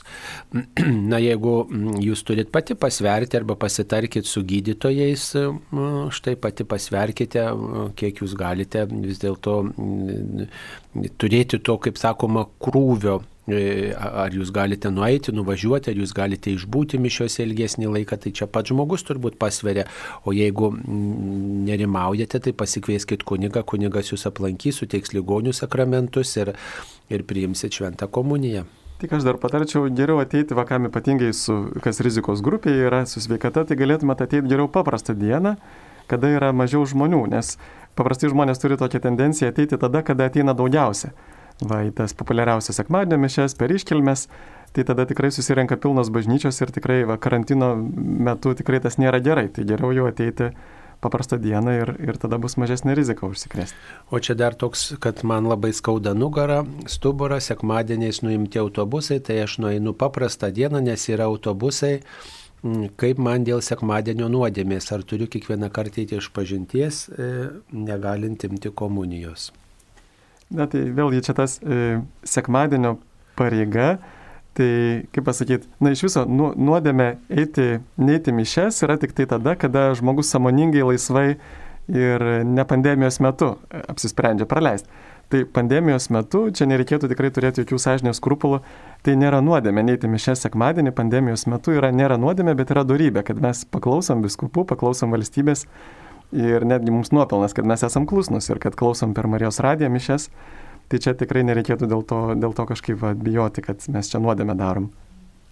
Na, ypatingai jeigu žmogus silpnesnis, tačiau jeigu šiokiadieniais galite ateiti, tai tikrai yra nuostabu ir ta, ta, ta galimybė naudokitės. Taip, nes sekmadieniais ir mažiau žmonių ir jūs galite nuvykti saugiau.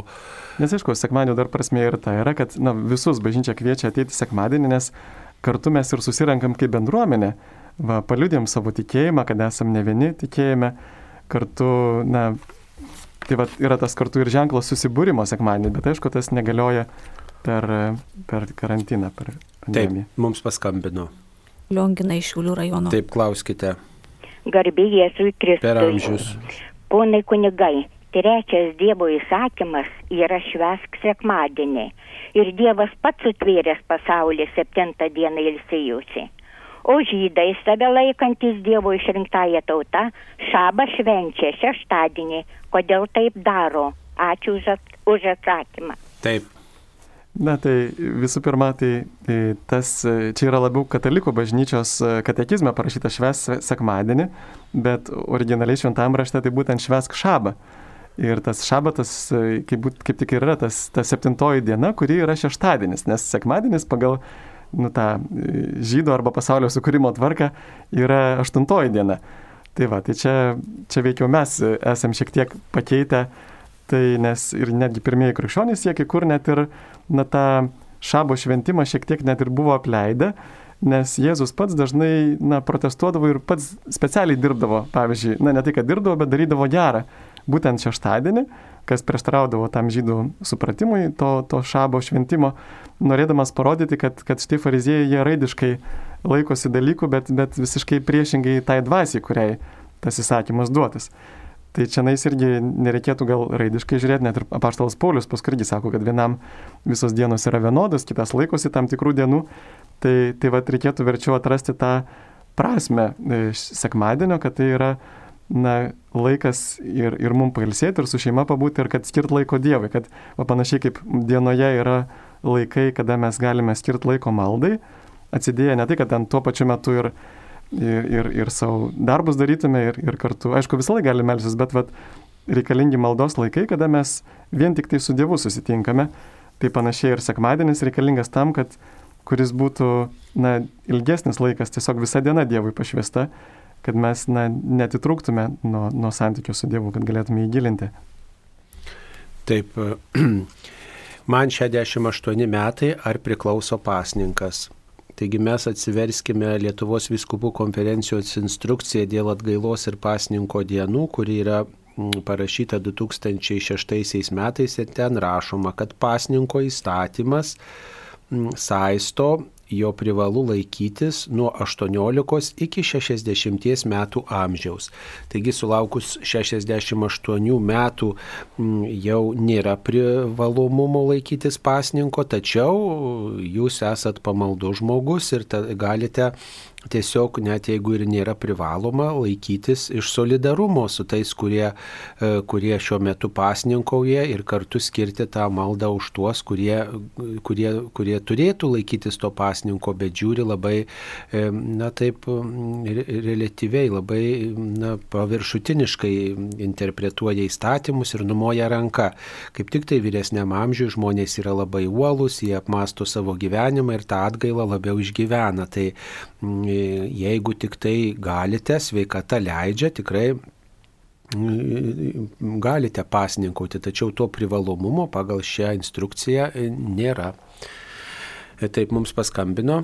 Julija iš Kauno. Taip, Julija, klauskite. Pirmiausia, tai noriu padėkoti už šias laidas, už visą jūsų veiklą, o po to turiu pasiūlymą. Tai grįžčiau truputėlį prie atleidimo dalyko per mažai, man atrodo, yra akcentuojama bažnyčioje atsiprašymo dalykas, atsiprašymo pareiga. Ir tiems, kurie yra nuskriausti, truputį skaudu. Jie tik girdi atleisk, atleisk, taip kaip visą laiką atleisk, o atsiprašyti. Kas primins, jeigu mes tylėsime. Ačiū. Nu, matot, atleidimas nėra susijęs su atsiprašymu. Ar atsiprašė ar neatsiprašė, vis tiek žmogus yra kviečiamas atleisti, nes tas atleidimas reikalingas man pačiam.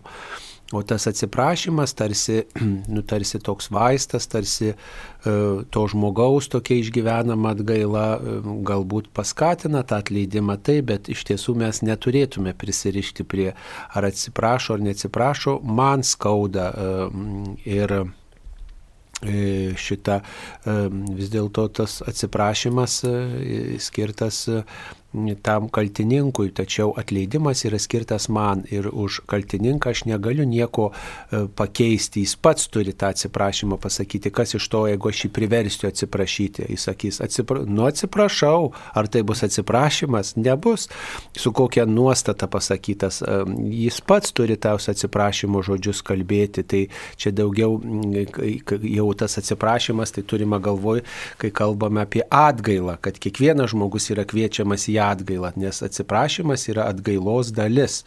Mm, tačiau atleidimas tai yra tai, į ką aš esu kviečiamas ir už ką aš esu atsakingas. Už kito žmogaus atsiprašymą nesu atsakingas, bet už savo atle, nu, tokį išgyvenamą atleidimą, pasirenkamą, trokštamą atleidimą aš esu atsakingas. Taip, kas yra santykis su Dievu? Bendrystė tokia, pasirinkimas turbūt viešpaties, kai kalbam apie, apie Dievą kaip apie asmenį, tai reiškia aš jį prita, pritariu tam asmeniui, jo ilgiuosi, trokštų, jį kreipiuosi, stoju akistaton, santykis tai yra bendrystė. Ir kartu toksai žmogiškas bendravimas irgi, nes žmogus yra sukurtas panašus į Dievą, mes turim protą, turim laisvą valią ir mes galime tiek protingai suprasti, kad yra kuriejas, galbūt vieninteliai turbūt iš visos kūrinijos ir galim jam padėkoti, jį garbinti, atsiprašyti, dėk, prašyti ko nors. Ir va kartu tas santykis su Dievu, jisai vis dėlto remiasi labiausia Dievo įsikūnimu Jėzumi, Jėzuje Kristuje, nes, na štai pagalvokime, jeigu Dievas nebūtų tapęs žmogumi, ar mes labai galėtume apie jį ką nors žinoti, ar labai galėtume su juo bendrauti.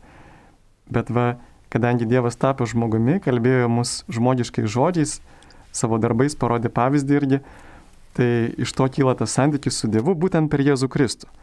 Taigi mes, e, e, niekas nenueina pas tėvą kitaip kaip tik per mane, sakė Jėzus, tai va tas santykis su Dievu ir, ir remiasi mano santykis su Jėzumi, ir, o santykis su Jėzumi remiasi šventojo raštu.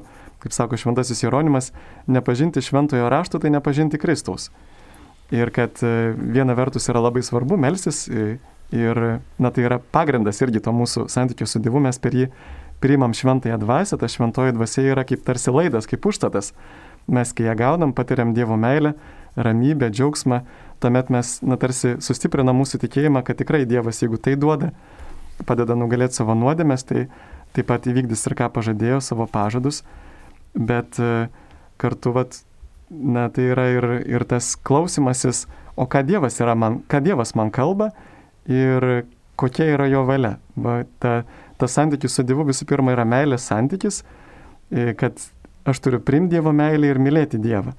O meilė Dievui pasireiškia jo kartu jo valios vykdymu, ne, ne tik tai, kad ką, ką aš Dievui pasakysiu, ką jis turi dėl manęs daryti, kad išpildytų man kaip, kaip auksinė žuvelė mano prašymus, bet būtent ką aš turiu daryti, kad išpildyčiau Dievo valią. Kitaip sakant, tai yra aš, tu ryšys. Aš suvokiu kaip save ir kreipiuosi į kitą kaip į asmenį. Mums paskambino.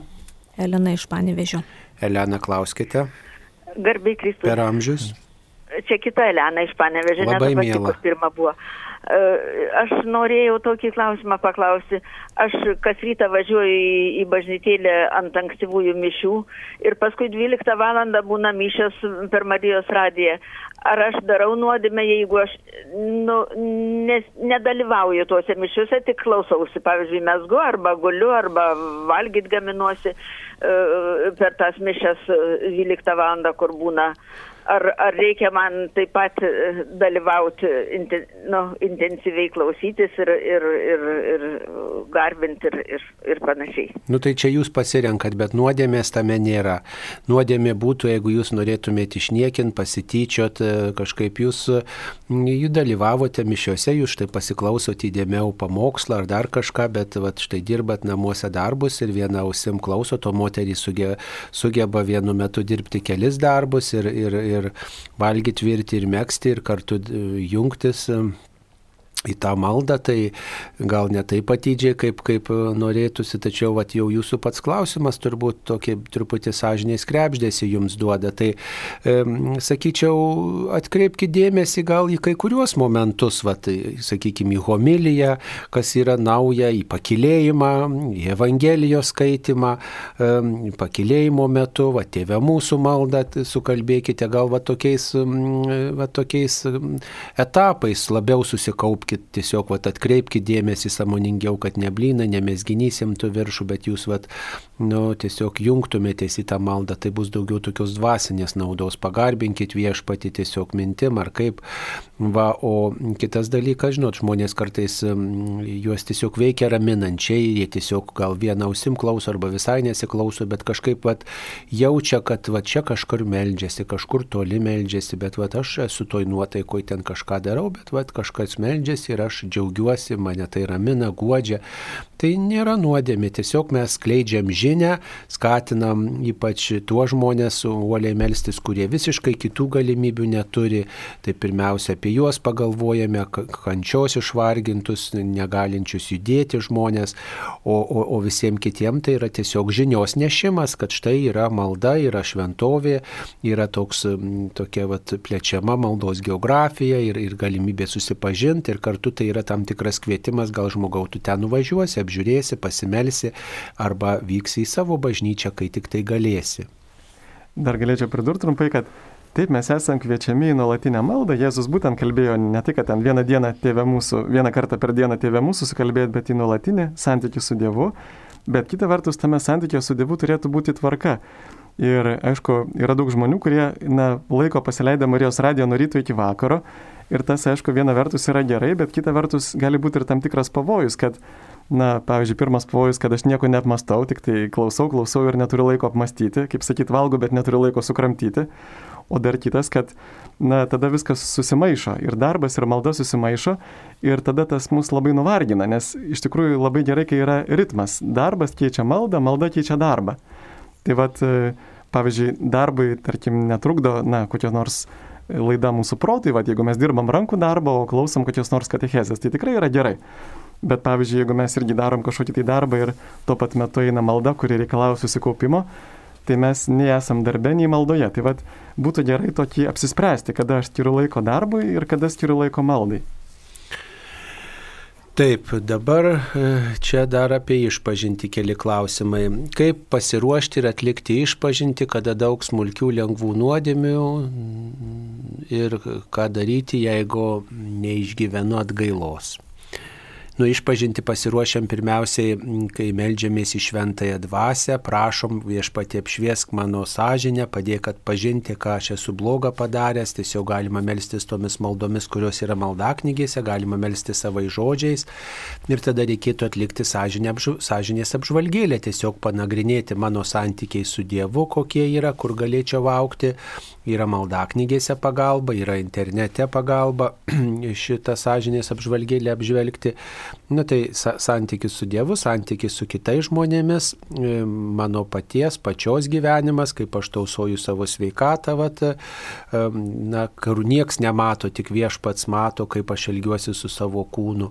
Ir tada, kaip aš elgiuosi su kūrinyje, ypač šiais laudatos į metais, e, kai popiežius kviečia kūrinyje rūpintis reikia pagalvoti, nu va, ir, ir jeigu nejaučiu gailėščio, na tai tiesiog galvoti, o kodėl aš nejaučiu gailėščių, jeigu tai yra, gal netikiu, netikiu, kad tai nuodėmė yra, tiesiog, na, žadinti tą gailestį, svarstyti, vis dėlto svarstyti apie nuodėmės žalą, apie galvoti, kodėl, tai, kaip aš žvelgiu tą dalyką, ar man tai yra nuodėmė, jeigu tai nuodėmė ir aš nesigailiu, nu apie tai kalbėti su nuodėm klausiu tiesiog reikia.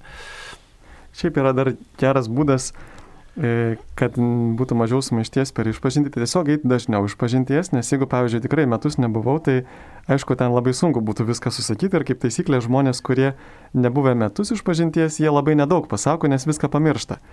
Ir tai tikrai yra na, bloga praktika eiti kartą metuose tik tai išpažinties. Ir vis dėlto gerai dažniau Ir atlikti sąžinės sąskaitą va, yra, pavyzdžiui, tokie trys tradiciniai būdai atlikti. Tai vienas pagal dešimt Dievo įsakymų. Čia galima lengvai prisiminti 10, paskui 7 ir 3. Tai va, arba pagal 7 didžiasias nuodėmės, arba pagal tokius tris santykius, kad su savimi, su Dievu ir su Dievu, su savimi ir su artimu, kur aš esu nusidėjęs. Ypatingai tiem, kurie eina dažniau iš pažinties, labai patarčiau tą pagal septynias didžiasias nuodėmes. Ten, kur yra puikybė, nesaikingumas, pyktis, šikštumas, pavydas, palaidumas, tingumas. Nes e, tai yra tokie labiau vidiniai dalykai, mes galbūt nieko nenužudėme, faktas, bet e, va, gal šituose vidiniuose dalykuose tikrai turime nemažai galbūt ir puikybės, ir kitų dalykų, ir tinginystės. Tai va galime pagal šitą septynias didžiasias įdes tirti sąžinę Ir tikrai reikėtų pasiruošti, nes e, labai jaučiasi, kada žmogus vat, atėjo į bažnyčią ir vat, pamatė, kad kunigas ir štai iš karto eina iš pažinties nepasiruošęs. Yra gerai ir užsirašyti ant lapelio, tikrai čia nėra vaikiška, bet labai gerai, kad padeda labiau susikaupti, prisiminti ir e, skirti laiko pasiruošti. Ir kartu kaip vienam tokiam anegdotė buvo, kur ateina žmogus prie klausyklos ir sako, nu, kunigė atleikit, aš, aš nu, nesigaliu, kad padariau tas nuodėmės.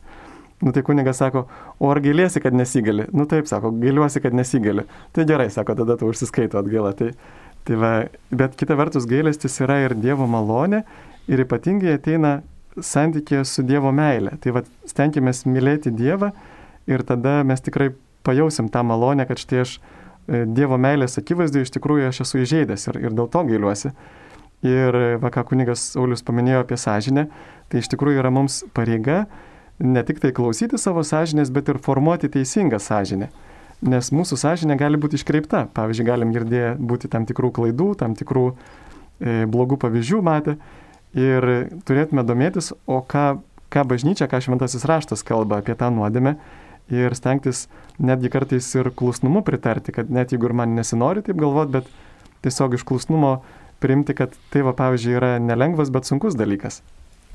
Na ir dar panašus klausimas, kada nuomonė apie kitą žmogų yra nuodėmė kai noriu teisti turbūt kitą žmogų, reikia labai savo širdį atpažinti, kodėl aš išreiškiu nuomonę apie kitą žmogų ir ką aš to noriu pasakyti ir kokia mano intencija. Ar aš tiesiog pasigodžiu, kad man yra sunku ir štai, vat, nu, tikrai tas žmogus tai pasielgia, reiškia, švertinu kitą žmogų, pasikalbu, reiškia, nu, va, tą intenciją ištirti, kodėl, kodėl aš sakau tą nuomonę, labai klausyti sąžinės ir, ir, ir, ir žiūrėti, ką man sąžinė byloja jaust, kas sąžinė bylo. Jeigu aš noriu kitą teisti, kitą smerkti, kitą paniekinti, kitą, kitą pastatyti vietą, žinau, kaip geriau turi būti, tai jau yra teisimas, tai yra puikybė, tai yra nemailė artimui. Ir dar galėt, bet labai svarbu, e, formuojant teisingą sąžinį, yra skaityti dažnai Naują Testamentą, ten labai daug kalba apie šitą vidinį santykių su kitais. Ir pavyzdžiui, vienoje vietoje Paulius atrodo sako, lenktyniaukite tarpusavo pagarbą. Tai bet kokia nepagarba kitam žmogui jau yra nuodėmė. Arba pavyzdžiui, Jėzus liepia mylėti savo priešus Ir iš tikrųjų, jeigu aš nekenčiu savo priešų, aš kaip tik irgi galvoju, va šiandien tos visos diskusijos apie tas neapykantos kalbos įstatymus ir panašiai, aišku, tai gali būti ir priemonė, ir paprastai komunistam būdavo priemonė užtildyti bažnyčią ir būdavo pagrindinis kaltinimas kunigams, kad jie naudoja kursto neapykantą prieš komunistų valdžią, bet iš tikrųjų tai kartu yra ir mums priminimas krikščionims, kad mes esam pašaukti mylėti savo priešus, kad bet kokia neapykanta iš tikrųjų yra nuodėme ir kad, va kaip e, yra ne vienoje vietoje Naujam testamente parašyta, kad tas, kuris nekenčia savo brolių, yra žmogžudys, o jog žmogžudys nepaveldės amžinojo gyvenimo. Tai mes esam pašaukti, kaip Jėzus irgi sako, atėjau neteisti pasaulio, bet gelbėti. Tai vad e, esam pašaukti mylėti net savo priešus ir gerbti netgi tuos, kurie, kurie daro blogą. Ir čia labai, gali labai sunki tokia pagunda, turbūt kiekvienam krikščioniu valesniam ateinanti, kad štai pamatau kitą žmogų, kuris nėra toks solus kaip aš, galbūt maldoje, ir ateina pagunda jį paniekinti. Ir, ir niekinti už tai, kad vaidis yra blogesnis. Ir čia jau aš papuolu į puikybės nuodėmę, kuri yra dar didesnė nuodėmė negu to žmogaus galbūt kažkoks mano matomas netobulumas. Tai čia turim labai būdėti, saugoti tą tokią pagarbę meilę kiekvienam žmogui, kad ir, kad ir pačiam, na, pačiam blogiausiam. Mums paskambino Juozas iš Svalkijos. Taip, Juozai, klauskite. Garbėjai Zikristai. Per amžius. Juozapo šventėje dabar tuos čia kaip tik yra. Juozapas gavo iš Dievo angelo per sapną keturis pam, tokius pamokymus. Reiškia, Mariją parsivesti, paskui Jėzų gelbėti į Egiptą bėgti, paskui kada iš Egipto jau grįžti. Tai čia reiškia Dievo angelas pamokė per sapną. Dabar yra žmon, e, žmonės, kurie sapnuose, vizijose mm, girdi, susitinka su savo mirusiais. Arba be, giminė, savo šeimos mirusiais, arba bendradarbiais. Tai šitos, sako, vizijos jau ne, ne iš dievų, bet piktojo angelų. Ar čia teisybė, reiškia šitoms jau, jau žmon, žmonėms vizijomis nebetikėti, jau jų vengti ir jų visai ne, nekreipdėmėsi. Taip, matot, Biblijoje, kai pasakyta, kad Juozapas sapnavo, tai na, mes neturėtume taip labai jau primityviai suprasti, atsigulė, miegojo, nuvat ir turėjo, reiškia, va čia susapnavo, kad taip yra. Tai tiesiog sapnas Biblijoje turi tokią m, truputį m, dar ir kitą prasme, tai yra, kad turėjo tokią patirtį, kurios pats negalėjo kontroliuoti. Tai tam tikra prasme norima pasakyti, kad ne jis pats sugalvojo, kad na, patyrė Dievo artumą per angelą ar kaip kitaip patyrė viešpaties artumą ir vat, gavo tam tikrą paskatinimą, paraginimą. O kai mes apnuoja mūsų mirusius, tai tiksliausia yra nubudus, sukalbėti maldas, poterius elementarius e, už mūsų mirusius artimuosius, aplankyti kapines, užsakyti šventasias mišes už artimuosius, melstis už tuos mirusius, galbūt pamastyti savo santyki su tuo mirusiu žmogumi ir nesureikšminti, kad ten mirusieji man kalba, mirusieji tą daro, mirusieji tą liepia daryti ar aną liepia daryti. Tai reikia labai būti atsargiai šitoje vietoje, tiesiog ir labiau remtis į Dievą ir tai bus teisingas katalikiškas krikščioniškas kelias. Aš dar galėčiau irgi pridėti, kad iš tikrųjų, va, pavyzdžiui, musulmonai, jie labai rimtai irgi žiūri į sapnus, jie mano, kad tai yra pagrindinis Dievo kalbėjimo būdas per sapnus. Ir iš tikrųjų gal Dievas gali kalbėti ir per sapnus, ir kitais būdais mums ir įkvėpti, ir maldoje, bet čia turim prisiminti, vat, kad turi visos, kiekviena, kiekviena mintis ateina, gali ateiti iš trijų šaltinių, gali ateiti iš manęs paties, mano vaizduotės, dažnai mes sapnuojam savo baimės, va čia psichologai gali daug ką pasakyti apie sapnus, taip pat yra, gali ateiti iš Dievo, bet gali ateiti ir iš velnio. Tai tiesiog mums reikia to dvasinio skirimo, dvasių skirimo, kaip tik dabar neseniai yra išėjusi tokia gera knyga Jėzuitų. Dvasių skirimas, vėl labai rekomenduočiau paskaityti, arba dvasinėse pratybose Jėzuitų irgi dažnai apie tai kalbama. Ir aišku, tuos dalykus jau reiktų pavesti dvasios tėvai, pačiam nesimti vadova, vadovautis tais įkvėpimais, kurių neaišku, iš kokio, kokia yra kilmė, bet turbūt svarbiausias šaltinis Dievo valios mums yra Naujasis testamentas, tai va turim jį skaityti ir, o aišku, tie dalykai kiti jau yra antriniai, bet, bet mes turim labai turbūt čia dvasiniam palidėjimai labai yra svarbu, kad pavestume savo dvasios tėvais šitos. Arba eiti iš pažinties ir iš pažinti tai aptarti, kad štai va situacijų, tokiose situacijose esu buvęs buvusi. Ar katalikui tinka žiūrėti siaubo detektyvinius filmus? Siaubo filmų tikrai netinka žiūrėti ir kai kurių detektyvinių filmų netinka, ne, netinka žiūrėti, nes tai skatina smurtą, nes e, tiesiog į mūsų pasąmonę brukami tokie prievartos, priešiškumo, e, artimo nemailės, tokie e, gestai, kurie vis dėlto mūsų sąmonę kažkaip paliečia ir mūsų elgesį veikia. Tai panašiai kaip mes valgom, mūsų maistas mūsų kūną veikia vienaip ar kitaip, taip ir ta informacija, kurią mes gauname, mūsų psichika veikia, mūsų santykius veikia ir kažkaip veikia mūsų santykiai ir su Dievu ir su artimu, tai tikrai netinka. O detektyvai, na tai labai priklauso, kokie tie detektyvai turbūt irgi mm, yra ger, nu, labai įvairių, tai turbūt reikia labai pasižiūrėti, kas per, per produkciją, kaip sakoma. Ir dar yra toks tyrimas, ar jie atliktas, kad pasirodo filmuose smurto naudojama, na, didesnė daug dalis E, filmų rodoma smurto, negu jo vyksta iš tikrųjų kasdieniam gyvenime realybėje. Pavyzdžiui, net 50 kartų daugiau filmų yra smurto negu realybėje. Ir žmogus, kuris žiūri vien tik tokius filmus apie žmogžudystės, jam tada pradeda atrodyti, kad visi čia aplinkui žudikai ir, ir jį ten kėsinasi nužudyti, iš tikrųjų kuria tokią baimės atmosferą ir iškreiptą realybės suvokimą. Tai geriau tikrai žiūrėti kažką tokio e, gero, nes e, velnės ateina į mūsų širdį būtent per akis labai dažnai, tai todėl turim labai saugoti savo akis, ką mes Taip. žiūrime. Ačiū, mums paskambino. Klausytoja Genė iš Vilniaus rajono. Genė, klauskite, jūs eteryje. Garbė Jėzui Kristui. Aš ten norėjau paklausti apie Juosapą, kodėl e, du Juosapai į dieną suplakama. Tai va, tai Matano Jokūbui gimė Juosapas, kuris vedė Mariją. O Izaoko Jokūbui gimė Juosapas, kuris vedė kunigo ar senato dukterį, e, kunigo patiforo dukterį ar senatą. Tai jie du skirtingi Juozapo. Aš girdėjau per radiją, kad jie į vieną e, tarsi vat įdedami. Na tai jūs turbūt kalbate apie du skirtingus Juozapus ir jie gali būti sugretinami, gali būti sugretinami.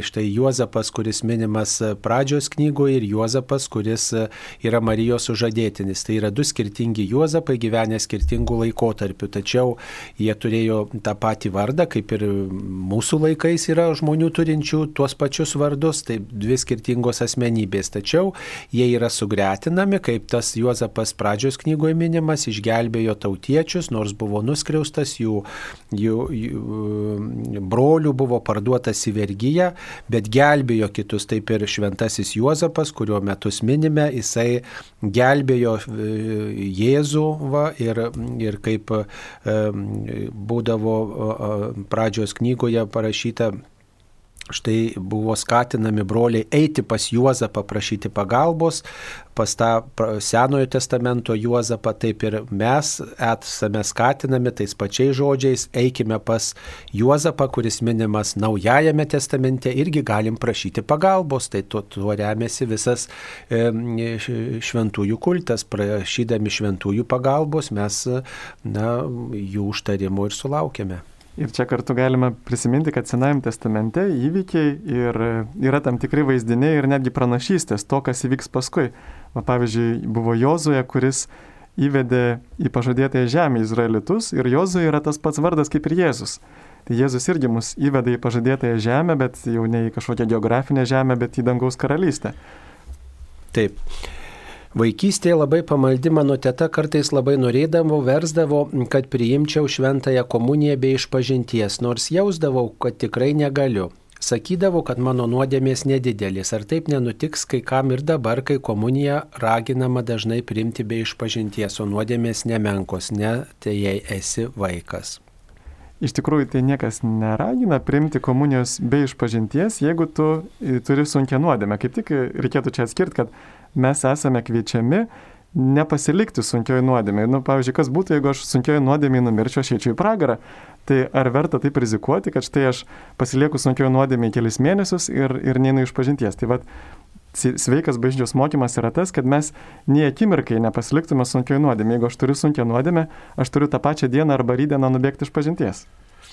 Taip, e, ir raginami kaip tik žmonės eiti iš pažinties, net jeigu neturi sunkių nuodėmių ir ilgai neina. E, už tai ir sako, kas mėnesį ar bent kas du mėnesius eiti iš pažinties reikėtų. Skaitydama šventą įraštą man svarbės vietas pieštukų pasibraukiu. Gal negalima to daryti, nuodėmė nėra nuodėmė braukyti šventą įraštą, bet jeigu jis jūsų, nu, jūs įsigijote, jis jums priklauso, jūs galite ir užsirašyti kažkokią, kažkokį žodelį. Na tai čia tokia irgi mano svajonė, kad kada nors pasirodytų toks šventasis raštas, kuriame galima būtų rašyti, būtų tokios plačios pastraipos ar panašiai. Tai tikrai manau, kad kunigams ir tiems, kurie nori domėti šventų raštų, tai aktualu būtų savo pastabas, įžvalgas ar kažkokius paaiškinimus pasirašyti. Tai tik tai sve, kitame, kitam priklausančiame šventame rašte, kitam priklausančioje knygoje turbūt būtų, na, nusižengimas daryti tam tikras pastabas. Bet ir čia geras klausimas to, kad mes esame tikrai pašaukti studijuoti Bibliją, ne tik ją pasidėti lentyną. Ir iš tikrųjų, kuo labiau mūsų Biblija yra suskaityta ir subraukyta, tuo yra geriau, negu kad jinai būtų tokia liktai ką tik iš knygyno nupirkta. Kažkada amžinatilsi kunigas Babonas Kauno arkikatedroje iš pažinties metu sakė, kad jei meldiesi rožinį neturėdama rožančiaus rankose, tai ne rožančius, o tik malda. Argi jis buvo neteisus, tai kam tada apskritai būtų reikalingas toks daiktas kaip rožančius? Na tai turbūt turėjo galvoj kunigas tai, kad vis dėlto tas vėrinėlis padeda ir susikaupti, ir padeda medituoti ir tą tokį maldų vainiką pinti. E, va ir paskatino laikyti rožančių. Nors yra tokia galimybė, jeigu žmogus neturi ar, ar negali su, suimti ar ką, tai melstis ir be rožančiaus, ypatingai jeigu kažkas kitas tuo metu meldžiasi, pavyzdžiui, Marijos radiją, e, meldžiasi ar kiti žmonės čia pat šalia manęs. Taip, nereikėtų tų priemonių ar daiktų kažkaip labai sureikšminti, nes tada mes jau nuklystume į magiją tam tikrą. Taip, ar yra galimybė transliuoti šventasias mišes kada nors iš visų bažnyčių ir išgirsti juose esančių kunigų pamokslus, gal tikrai perlai paslėpti. Na tai čia svajonė tokia yra, bet techniškai tai nėra įmanoma. Jeigu bus daugybė savanorių, daugybė tos technikos, tai įmanoma, bet ne visi kunigai sutinka, kad jų aukojamos mišios būtų transliuojamos per radiją. Bet, bet tiesą pasakius, tai čia yra gal tik tai kunigo apsisprendimas, nes tikrai va dabar kiekvienas iš mūsų, kiekvienas žmogus galėtų transliuoti bet ką su savo išmanioju telefonu. Tai va kiekvienas, kuris turi telefoną, jis realiai jau gali transliuoti e, bet ką. Tai čia galbūt reikėtų palaukti, kol, kol kunigai galės įvaldys tas technologijas. Bet geriausia turbūt čia translia... nu, ne, nenukreip daug dėmesio į tą transliaciją, gyvai dalyvauti. Taip. Gyvai dalyvauti ir, ir tai niekas, e, jokia transliacija to neatstos. Pradėjau melstis leoninius egzortus už visą šeimą per visą gavėnę. Ar nepradės piktėjimus dar labiau pulti, ar tai gali būti pavojinga. Čia reikėtų labai atskirti, kur yra tas didysis egzorcizmas. Dabar nesu tikras, ar čia kalba apie tą didįjį egzorcizmą. Nu, tai tikriausiai čia tiesiog reikia konkrečiai klausti. Jūs pasitarkite ir parodykite kunigui, parapijos kunigui, Taip. klebonui, e, e, kokius jūs egzortus skaitote, ką jūs ten skaitote, e, kaip ten darote, nes didįjį egzortą gali skaityti tik tai kunigas, kuris, turintis, kuris turi vyskupo paskirimą tai tarnystėje. Bet va štai yra radau, kad jo, yra ir mažasis egzorcizmas, ir yra puslapyje egzorcistas LT, yra e, maldavimai, kurie gali būti privačiai tikinčiųjų naudojami, kovojant su tamsos galybėmis. Tai tikrai nereikėtų bijoti, kad štai dabar, jeigu mes e, melsimės prieš piktąją dvasę, kad jinai pradės mums pulti, tai be abejo, kad jinai pradeda mus pulti, kada mes jai nepatinkame. Bet būtų labai nekrikščioniškas elgesys jos bijoti, nes nu, jinai yra kaip pririšta šuo, jinai iš tikrųjų nieko negali mums padaryti be Dievo leidimo. Ir paprastai piktoji dvasia aršiausiai puola tuos, kurie jos bijo. O tuos, kurie yra drąsūs ir pasitikė Dievo visą galybę, Jėzus jau sutraiškė galvą šetonui, tai iš tikrųjų e, nuo tų jinai bėga. Tai va turim išsiugdyti tokią drąsą. E, tikrai, va, kaip sako šventoji Teresė Vilietė, mes turime labai kvailai elgesi krikščionis, kuris bijo piktosios dvasios, bet nebijo daryti nuodėmės. Jis sako, kad man didžiausia baimė yra padaryti lengvą nuodėmę, O piktosios dvasios, sako, bijau ne, mažiau, ne, ne, ne daugiau negu kokios nors musės. Tai va, panašiai ir mes turėtume tokią turėti nuostatą. Ar mūsų kunigai gali daryti nuodėmės? Taip, mūsų kunigai gali daryti nuodėmės ir kunigas taip pat ir atgailauja ir eina iš pažinties.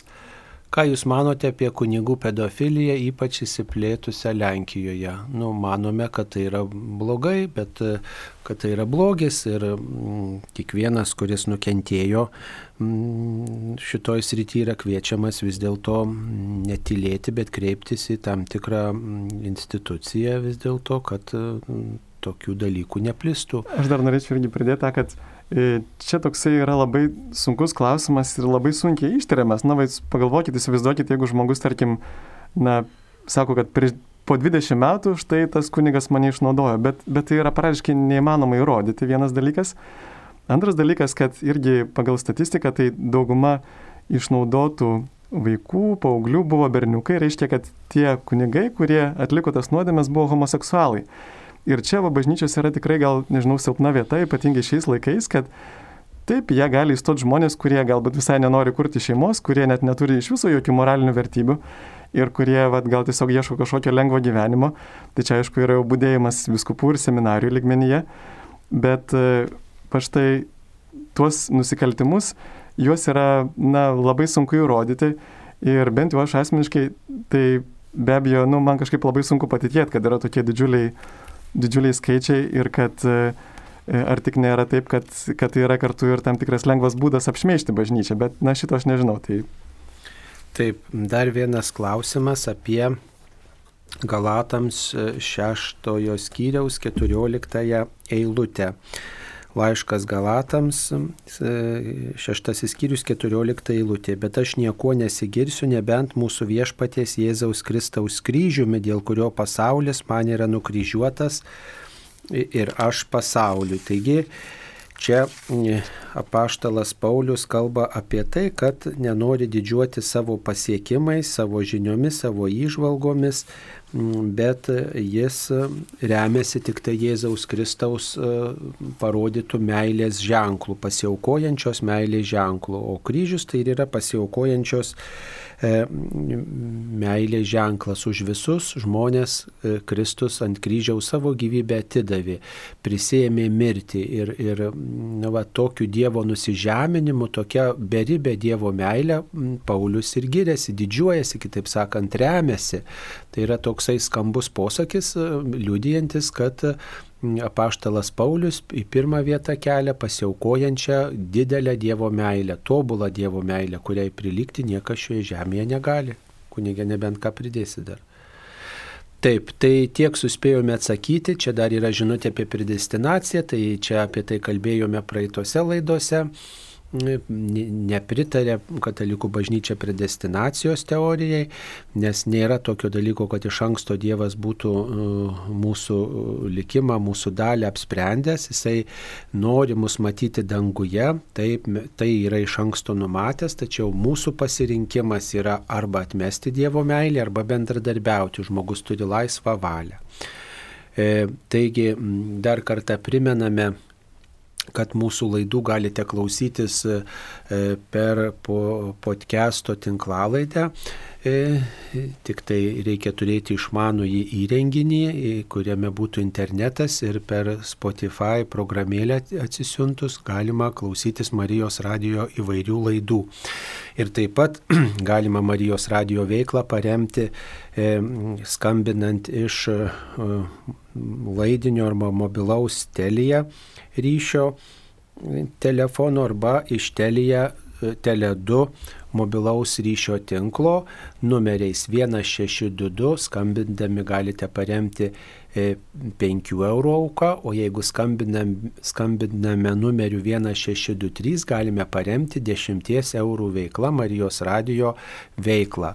Ir taip pat galime paremti Marijos radiją aukodami e, internetu arba atneždami e, auką į Marijos radijos studiją Vilniuje arba Kaune. Visiems nuoširdžiai dėkojame, kurie klausotės mūsų, kurie remiate įvairiais būdais Marijos radiją ir taip pat, kurie mm, ugdote savo krikščionišką tikėjimą. Tegul šie šeimos metai būna visiems proga sustiprinti mūsų šeimos ryšius, melsti su šeima, atsiprašyti šeimos narių ir palaikyti gražius ryšius. Tegul šventasis Juozapas mus visus globoja. Mėly Marijos radio klausytojai, šioje laidoje į klausimus atsakinėjo Kauno Šilainių parapijos vikaras kunigas Sigitas Jurkštas ir aš kunigas Saulis Bužauskas. Te laimina jūs viešpats. Ačiū, sudė. Sudė.